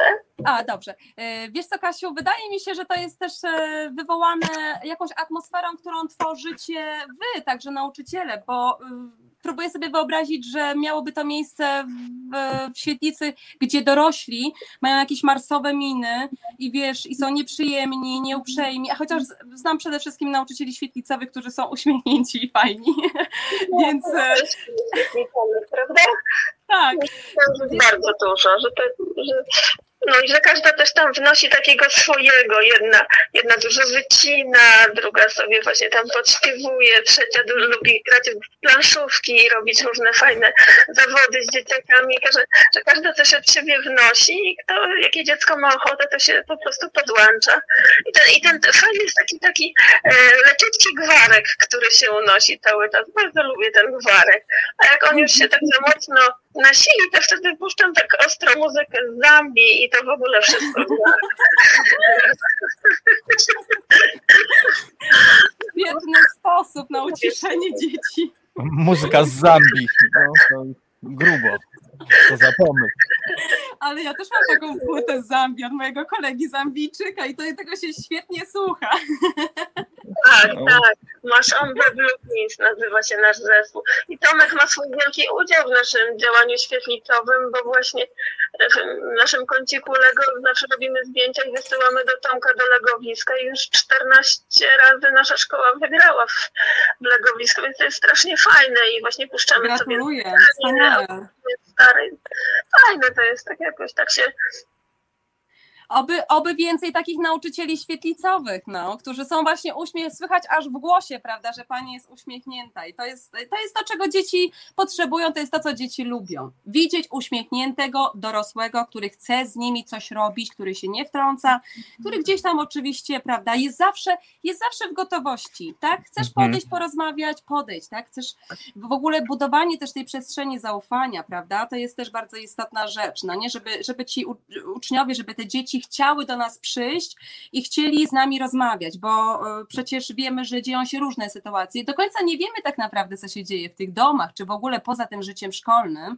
Do końca my tego wszystkiego nie wiemy, ale musimy, musimy za każdym razem starać się tworzyć przestrzeń zaufania. Oczywiście, że to się zrobi, znaczy, oczywiście, że to się, tego się nie zrobi od tak przez uśmiech, bo jestem uśmiechnięta czy radosna.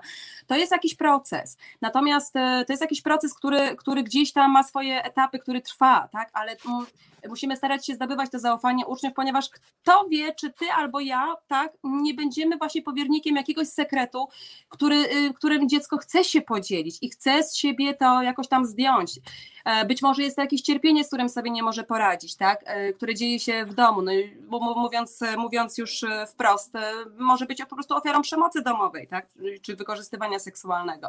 Więc musimy o takich rzeczach mówić, kiedy mówimy także o edukacji, wziąć pod uwagę nie tylko, prawda, Tomek, te, nie, nie tylko te przestrzenie, w których mamy się tak rozwijać i tak do przodu i w ogóle, prawda, żeby tak mi nikt nie przeszkadzał i żebym ja jako dziecko po prostu mogła sobie robić co chcę, tylko to jest tak jak z jak, to jest tak jak e, ze światem dorosłych, czy, czy, czy jeżeli ja gdzieś idę dalej, to weźmy za rękę też innych, to, wy, to po prostu idźmy wszyscy razem do przodu, to, to, mhm. niech to nie będzie tylko tak, że och, ja się prężnie rozwijam i tak idę do przodu i tak wiesz, i na, na nic nie zbaczam, tylko po prostu weźmy się za ręce, wróćmy się, cofnijmy się trochę i jeszcze kogoś um, weźmy tam do przodu. I tutaj mam też na myśli właśnie e, te dzieci, które są po prostu ze środowisk defaworyzowanych, czy tak zwane, czy tak zwane no powiedzmy nieuprzywilejowane dzieci, tak? Pod jakimkolwiek względem, czy to jest po prostu status materialny, czy to jest, e, e, czy to jest, czy są warunki w ogóle do, warunki domowe do uczenia się, do spokojnego uczenia się, czy, to, czy tam są warunki w ogóle do rozmowy, do otwartej rozmowy, czy, czy, czy może, nie wiem, ojciec mówi, a idź mi stąd, prawda? I, i wiesz, i właściwie o co chodzi, tak? Nie, jak to? Wiesz, po prostu to są takie sytuacje, to są sytuacje szokujące. Szokujące są też sytuacje takie, w których dziecko pozostawione jest samo sobie, zupełnie. I coraz bardziej, coraz bardziej się do tego przyzwyczajamy. Czyli na początku powiedzmy, że możemy zrzucić, powiedzmy, że możemy w jakimś sensie powiedzieć, no szkoła nam rujnuje relacje, prawda? Szkoła nam rujnuje relacje. Nie, nie, już jakoś się nie dogadujemy tak jak kiedyś, już nie, rozma- nie mamy czasu mhm. nawet na to, tylko, tylko ta nauka, nauka, prawda? E, ale z drugiej strony zaczynamy się do tego przyzwyczajać i coraz bardziej się oddalać, prawda? I zauważać, że nagle, kurczę, gdzie jest ten kontakt z moim dzieckiem? E, czy, czy, czy, czy, czy kiedy my ostatnio rozmawialiśmy, albo bawiliśmy się, albo graliśmy w piłkę, albo robiliśmy coś, albo robiliśmy nic i po prostu leżeliśmy przytuleni, prawda? Kiedy to było? A jeszcze inna sprawa jest e, taka, kiedy dziecko jest po prostu fizycznie ofiarą jakiejś przemocy i, i, i tutaj i tutaj musimy coś z tym zrobić. To znaczy, co, co możemy z tym zrobić? Kiedy mówimy na przykład o, o, o sposobach na y, przeciwdziałanie czy, y, czy, czy pomaganie ofiarom przemocy domowej, to uważam, że tutaj niezbędna jest rola edukacji seksualnej. I oczywiście z językiem mhm. dostosowanym do wieku y, dzieci, oczywiście, że tak, no bo przecież wiesz, y, jak mamy zrobić pogadankę w klasach 1-3 z użyciem słowa gwałt, prawda? Wiesz, y, to, to, to, to wszystko musi być bardzo mocno przemyślane, ale to musi, bo to wszystko musi być bardzo takie no właśnie, mhm. do, dobrze przemyślany, ten język przede wszystkim. Natomiast. Jeszcze, natomiast, tak. E, e, sorry Natalia, że tak ci przerywam, ale tak. rzeczywiście tak. chciałem nawiązać, bo no, przejął mnie Twój wpis z 12 września o, na temat debaty o edukacji w Twojej gminie czy, czy w innej. Tak, I, w, i tutaj było mieszkam, tak. znamienne, że podeszła do mnie edukatorka seksualna i zapytała, dlaczego dlaczego mm, tak podejmowałam problem wykorzystywania właśnie e, seksualnego dzieci. E, z drugiej strony jest to potężne tabu tak naprawdę społeczne, tak. prawda? E, tak, no, no temat nieistniejący za bardzo tak naprawdę, tylko w specjalistycznych jakby obszarach i to jest, to jest no tutaj już ta ciemna strona tej mocy niestety, którą ty eksplorujesz i no właśnie i co z tym, dlaczego, co, jak? Wiesz, Tomek, no bardzo, bardzo dobrze, że podejmujesz ten temat, y, jakby ciągniesz go, bo, y, bo no tak, masz rację, oczywiście mówiąc, że jest to temat tabu. To znaczy nie wiadomo właściwie, jak o tym mówić, jak się za to zabrać, prawda? Wiesz, już samo wyobrażenie sobie y, w głowie dorosłego, co może się dziać w domu, nie wiem, na przykład mojego ucznia, mojego wychowanka, to już wiesz, przyprawia o ból głowy i właściwie mhm. to lepiej, nie, na pewno, na pewno tam jest wszystko w porządku, prawda? I idźmy dalej. Program nauczania wzywa, prawda? Tak, Więc tak. idziemy Książka. dalej. Książka, prawda?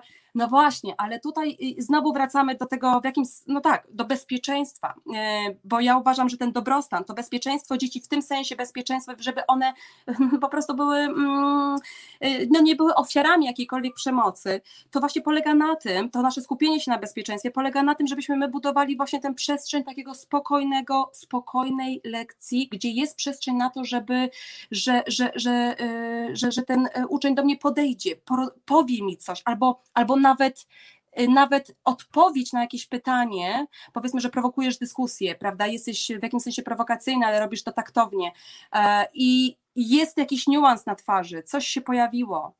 Musisz to zauważyć. Znaczy, musisz. E, musisz być czujny jako nauczyciel, popatrzeć na nich wszystkich, prawda? Popatrzeć na każdego z osobna i spróbować, y, wiesz, to też nie chodzi o to, że teraz wiesz, o, ten na pewno, o, ta, tamten na pewno jest ofiarą, prawda, bo wiesz, bo to są wszystko bardzo mhm. delikatne sprawy, ale już w jakimś sensie możemy próbować y, jakoś też troszeczkę inaczej rozmawiać, coś tam uruchomić, wiesz, y, starać się być przyjacielem dla tego dziecka, prawda, żeby, żeby mi zaufał, że jeżeli coś, to, natomiast okej, okay, my mówimy teraz o takim procesie, który trwa, bo proces zaufania na uczniów do nauczycieli jest wbrew pozorom długim procesem, ale, ale kiedy mówimy na przykład o edukacji seksualnej, która, y, która powinna być w szkołach, której nie ma z winy ministra edukacji, e, Czarnka, to w takim razie powinniśmy tę edukację seksualną zorganizować w przestrzeni pozaszkolnej. I teraz tak, e, o, ktoś powie, no dobrze, no okej, okay, stwórzmy projekt, zróbmy e, wnioskowanie o budżet z pieniędzy unijnych. Wiesz, jak ja słyszę coś takiego, to sobie myślę, dobra, okej, okay, fajnie, dobrze, no dobrze, ja będę, ja dostanę pieniądze za to, że pójdę i zrobię tę edukację seksualną. Okej, okay, super, tak? Czy tam, nie wiem, będę miała przestrzeń na to. No ale jakby nie o to chodzi. Chodzi o to, żebyśmy pomyśleli o sobie, jeżeli, y, wiesz Tomek, jeżeli ja jestem białą kobietą, wykształconą, z klasy średniej, wiesz, mam możliwości jakieś, mam y, troje zdrowych dzieci, y, w miarę regularne zarobki, to dlaczego nie mogę o sobie pomyśleć jako osobie, która może się tym trochę podzielić? Prawda? Czyli mogę się tym trochę podzielić, czyli pójść i już teraz, już teraz zebrać się, zebrać tych ludzi i zacząć zacząć organizować takie zajęcia, nawet jeżeli nie dostanę za to pieniędzy, ale już sprowadzić ten pierwszy etap budowania zaufania, że możecie przyjść dzieciaki. Mamy tutaj takie, oczywiście za zgodą rodziców, no bo to, y, to, to, to tak, czy przynajmniej jednego rodzica, bo to w taki sposób mm, y, to, to moim zdaniem powinno się odbywać, ale z drugiej strony, jeżeli ktoś przychodzi, wiesz, bez zgody rodzica, powiedzmy już takiej oficjalnej, a ma problem, no to a i się dowiedział o tych zajęciach, dowiedział się o takich, wiesz, o takich warsztatach z edukacji seksualnej, to oczywiście, że tak. To, to wtedy właśnie po to jest to miejsce, żebyśmy rozmawiali, e, żebyśmy rozmawiali i jednym z, z, z, kluczowych tematów, który powinien zostać podjęty na mm, mniej więcej może trzecich zajęciach, na przykład z edukacji seksualnej albo drugich, to powinien być, powinno być wykorzystywanie seksualne, pornografia, wiesz, przemoc e, seksualna, prawda?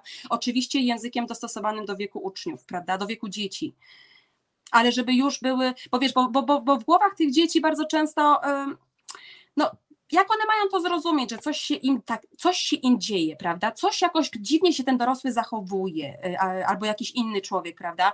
Jakoś dziwnie coś, wiesz, jakby trudno to ugryźć, trudno to zobrazować, prawda? To, to, to dziecko nie, nie, nie jest w stanie sobie tego y, jakoś przetłumaczyć, że może to jest dobre, a może to jest złe, wiesz, jakie to jest właściwie, no nie?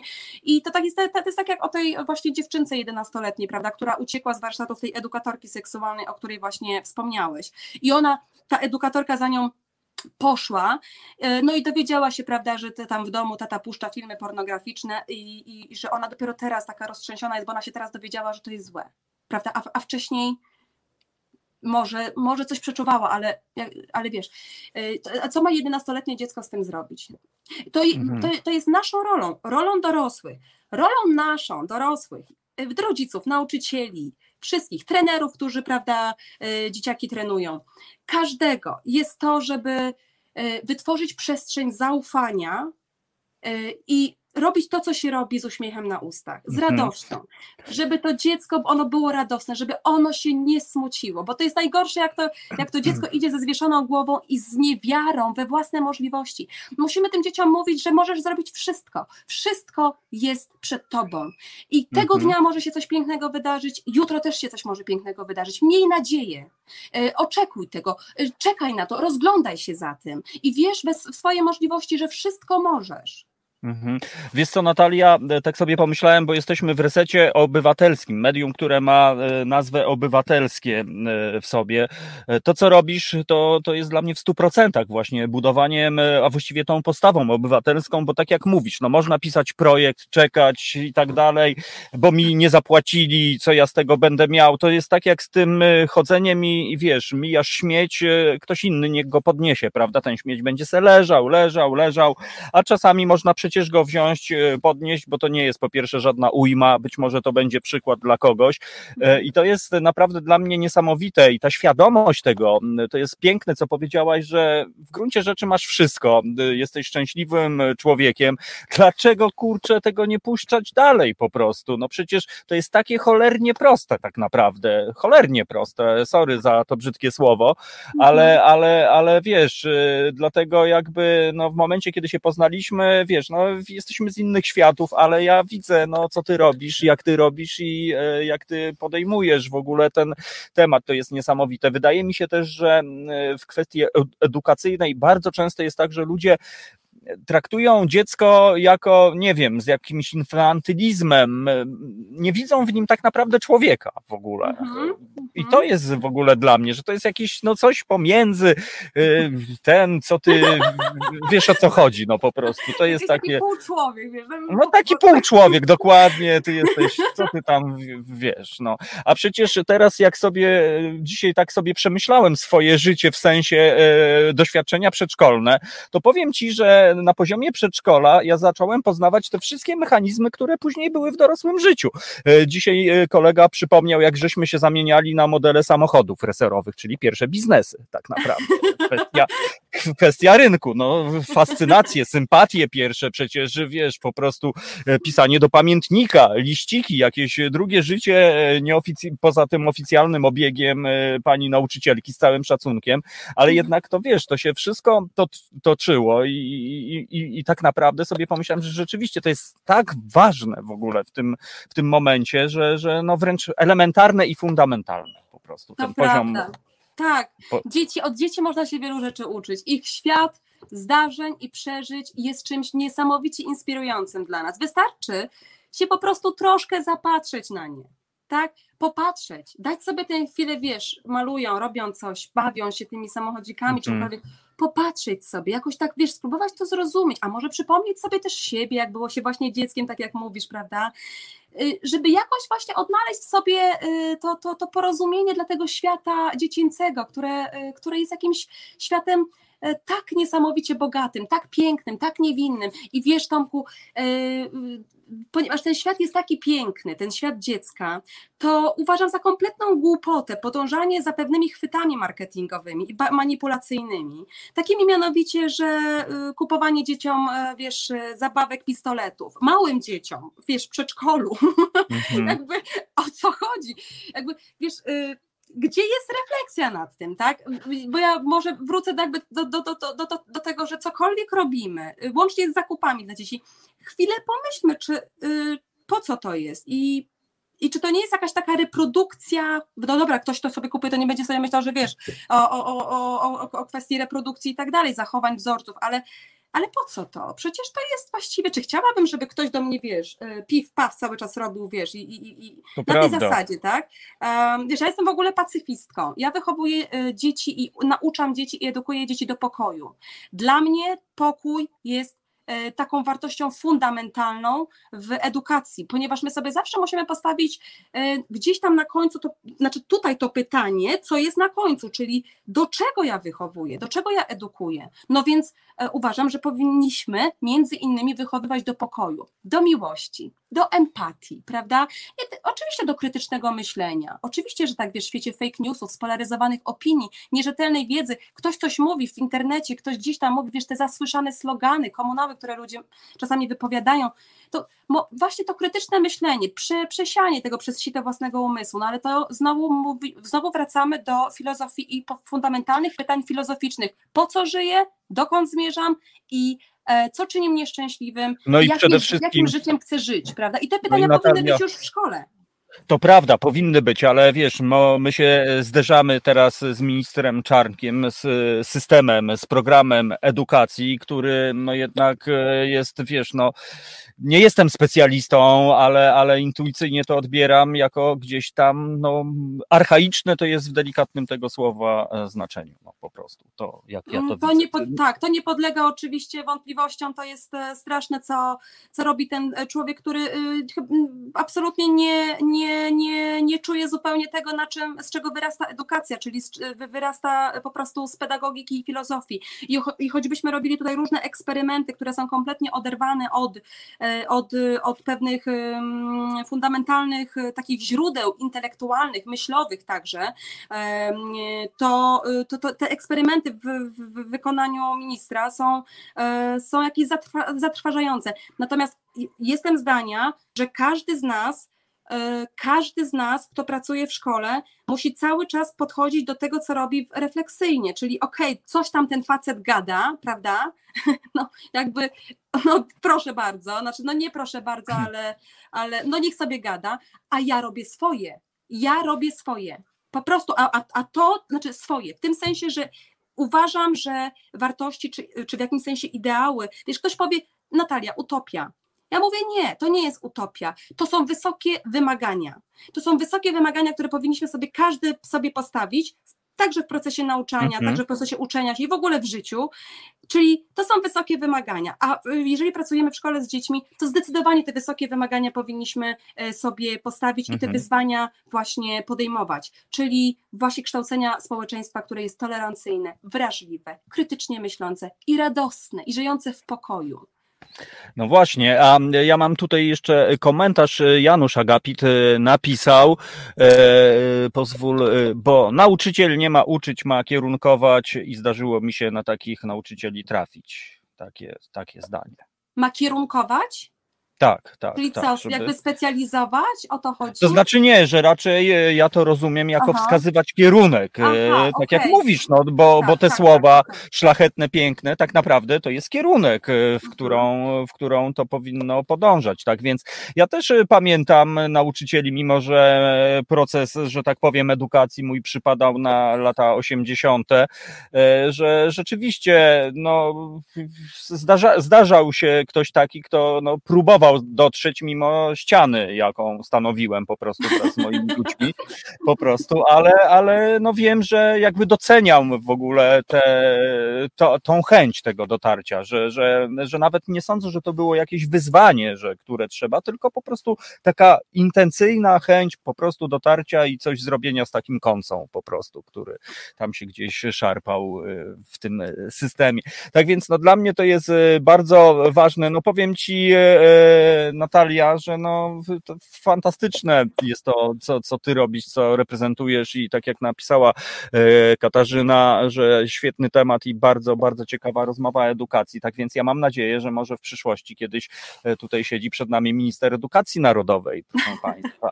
W przyszłości myślę, że ta szkoła zupełnie, Peace zupełnie. No właśnie, że, że tego, tego nam naprawdę bardzo, bardzo brakuje, bo, bo wróćmy do punktu wyjścia. No właśnie dzieciństwo dzieciństwo naprawdę powinno być bezpieczne, beztroskie, e, a w dzisiejszych czasach, e, no niestety, nie wiem skąd to się e, bierze, że bardzo dużo ludzi hoduje dzieci za przeproszeniem pod kloszem, takim właśnie, żeby, żeby no być może ja rozumiem troskę, że, bo świat jest niedobry, albo w świecie czeka, czyha mnóstwo niebezpieczeństw. No tak było, jest i prawdopodobnie będzie, no ale, ale właśnie, no te dzieci niech mają to swoje, te swoje pięć minut takie przysłowiowe, tak, a my tak, dorośli się uczmy po prostu tego i starajmy się te dziecięce uczucia, jak to śpiewał Paweł Kellner, po prostu zapamiętać jak najdłużej. No, e, Oczywiście, że tak. Oczywiście Tomek, super, super puenta. Ja właściwie mogłabym tylko dodać, że, e, że karmić się właśnie tym, tymi dziecięcymi, beztroskimi obrazami, bo, e, bo to, czym się karmimy, potem dajemy innym i, i w taki sposób żyjemy, a nie, a, a, nie w inny, prawda? Bo jesteśmy gdzieś wewnętrznie bogaci i, i, do, i do tego wydaje mi się, że powinniśmy też e, te nasze dzieci jakoś ukierunkować, jeżeli mówimy o tym słowie takim, że tę dobrą stronę tej pozytywnej konotacji, to tak, ukierunkować stronę tego właśnie bogacenia się wewnętrznego, a nie bogacenia się gdzieś tam na zewnątrz, tak?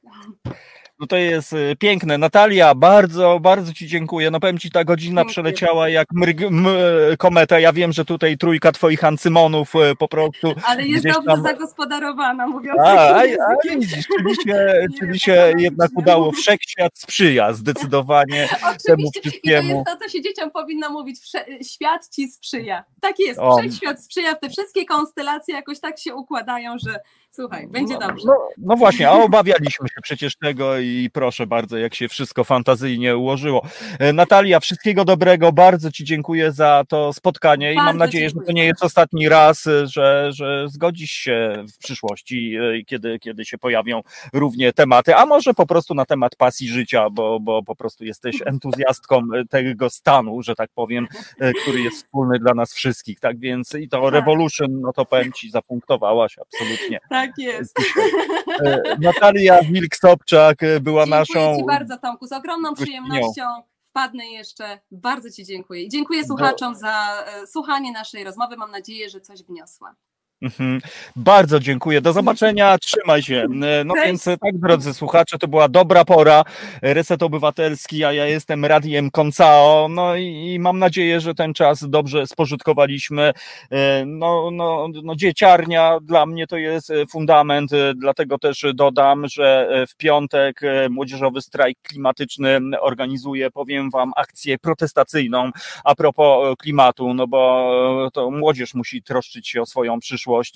Oczywiście ma e, tutaj niesamowite wsparcie, tak jak e, pani Maria, nasza pierwsza gościni, Maria Staniszewska. No ale e, cóż, jednak to jest nadzieja tego świata. Młody duch, młody człowiek i a my powinniśmy zrobić wszystko jako rodzice, jako społeczeństwo, jako świat, żeby dzieci były po prostu bezpieczne, szczęśliwe i beztroskie. A kiedy sobie zdamy sprawę, że na przykład w Warszawie na ulicach mieszka 6 tysięcy osób w kryzysie bezdomności, z czego jakiś promil to są dzieci, które właśnie uciekły między innymi od przemocy domowej. Nie ma w Warszawie hostelu, gdzie takie dzieciaki mogą się schronić, słuchajcie, e, a, a to się dzieje, czyli to cholerne tabu, o którym dzisiaj trochę zaczęliśmy rozmawiać, e, to się wszystko naprawdę dzieje, tylko że czasami my kompletnie o tym nie wiemy, czasami nie chcemy po prostu wiedzieć.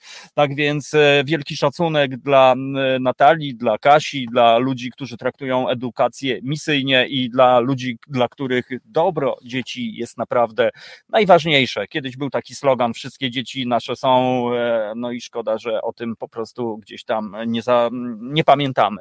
Także bardzo, bardzo dziękuję Wam za dzisiejsze spotkanie. Zapraszam tutaj e, o 19 Tomek Piątek, za chwilę w resecie obywatelskim. Ja zapraszam do Radio Konca o 21 na piwnicznik artystyczny, gdzie artystycznie będziemy e, stanowić stanowić apoteozę życia, proszę Państwa. Bardzo dziękuję Wam, drodzy słuchacze, za Wasze komentarze, bardzo dziękuję za Waszą obecność, no i e, bardzo dziękuję Asi, że tutaj e, te e, stery trzymała po prostu dziarsko i pozwoliła nam bezpiecznie i szczęśliwie wylądować. Także bardzo, bardzo dziękuję. Nie dawajmy się żadnym ramom i kryteriom, Janusz napisał. I właśnie o to Janusz chodzi. Mając takich ludzi, myślę, że naprawdę nadzieja jest bez kitu. Nadzieja jest, e, mamy tradycję e, funkcjonowania, że tak powiem, podziemnego, tak więc nawet jeżeli system, jeżeli ramy e, są, to można jakoś je obejść albo robić po prostu swoją robotę obywatelską robotę to tam. Wszystkiego dobrego, naprawdę bardzo, bardzo fajnie było Was spotkać. To był Tomek Konca, Radio Konca w resecie obywatelskim. Dobra pora. Peace and love and unity dodam od siebie, czyli sami wiecie. Wszystkiego dobrego, bardzo dziękuję, do zobaczenia. 21. Radio Konca, hej! A jutro obiadek radiowy o 15 też w Konca, hej!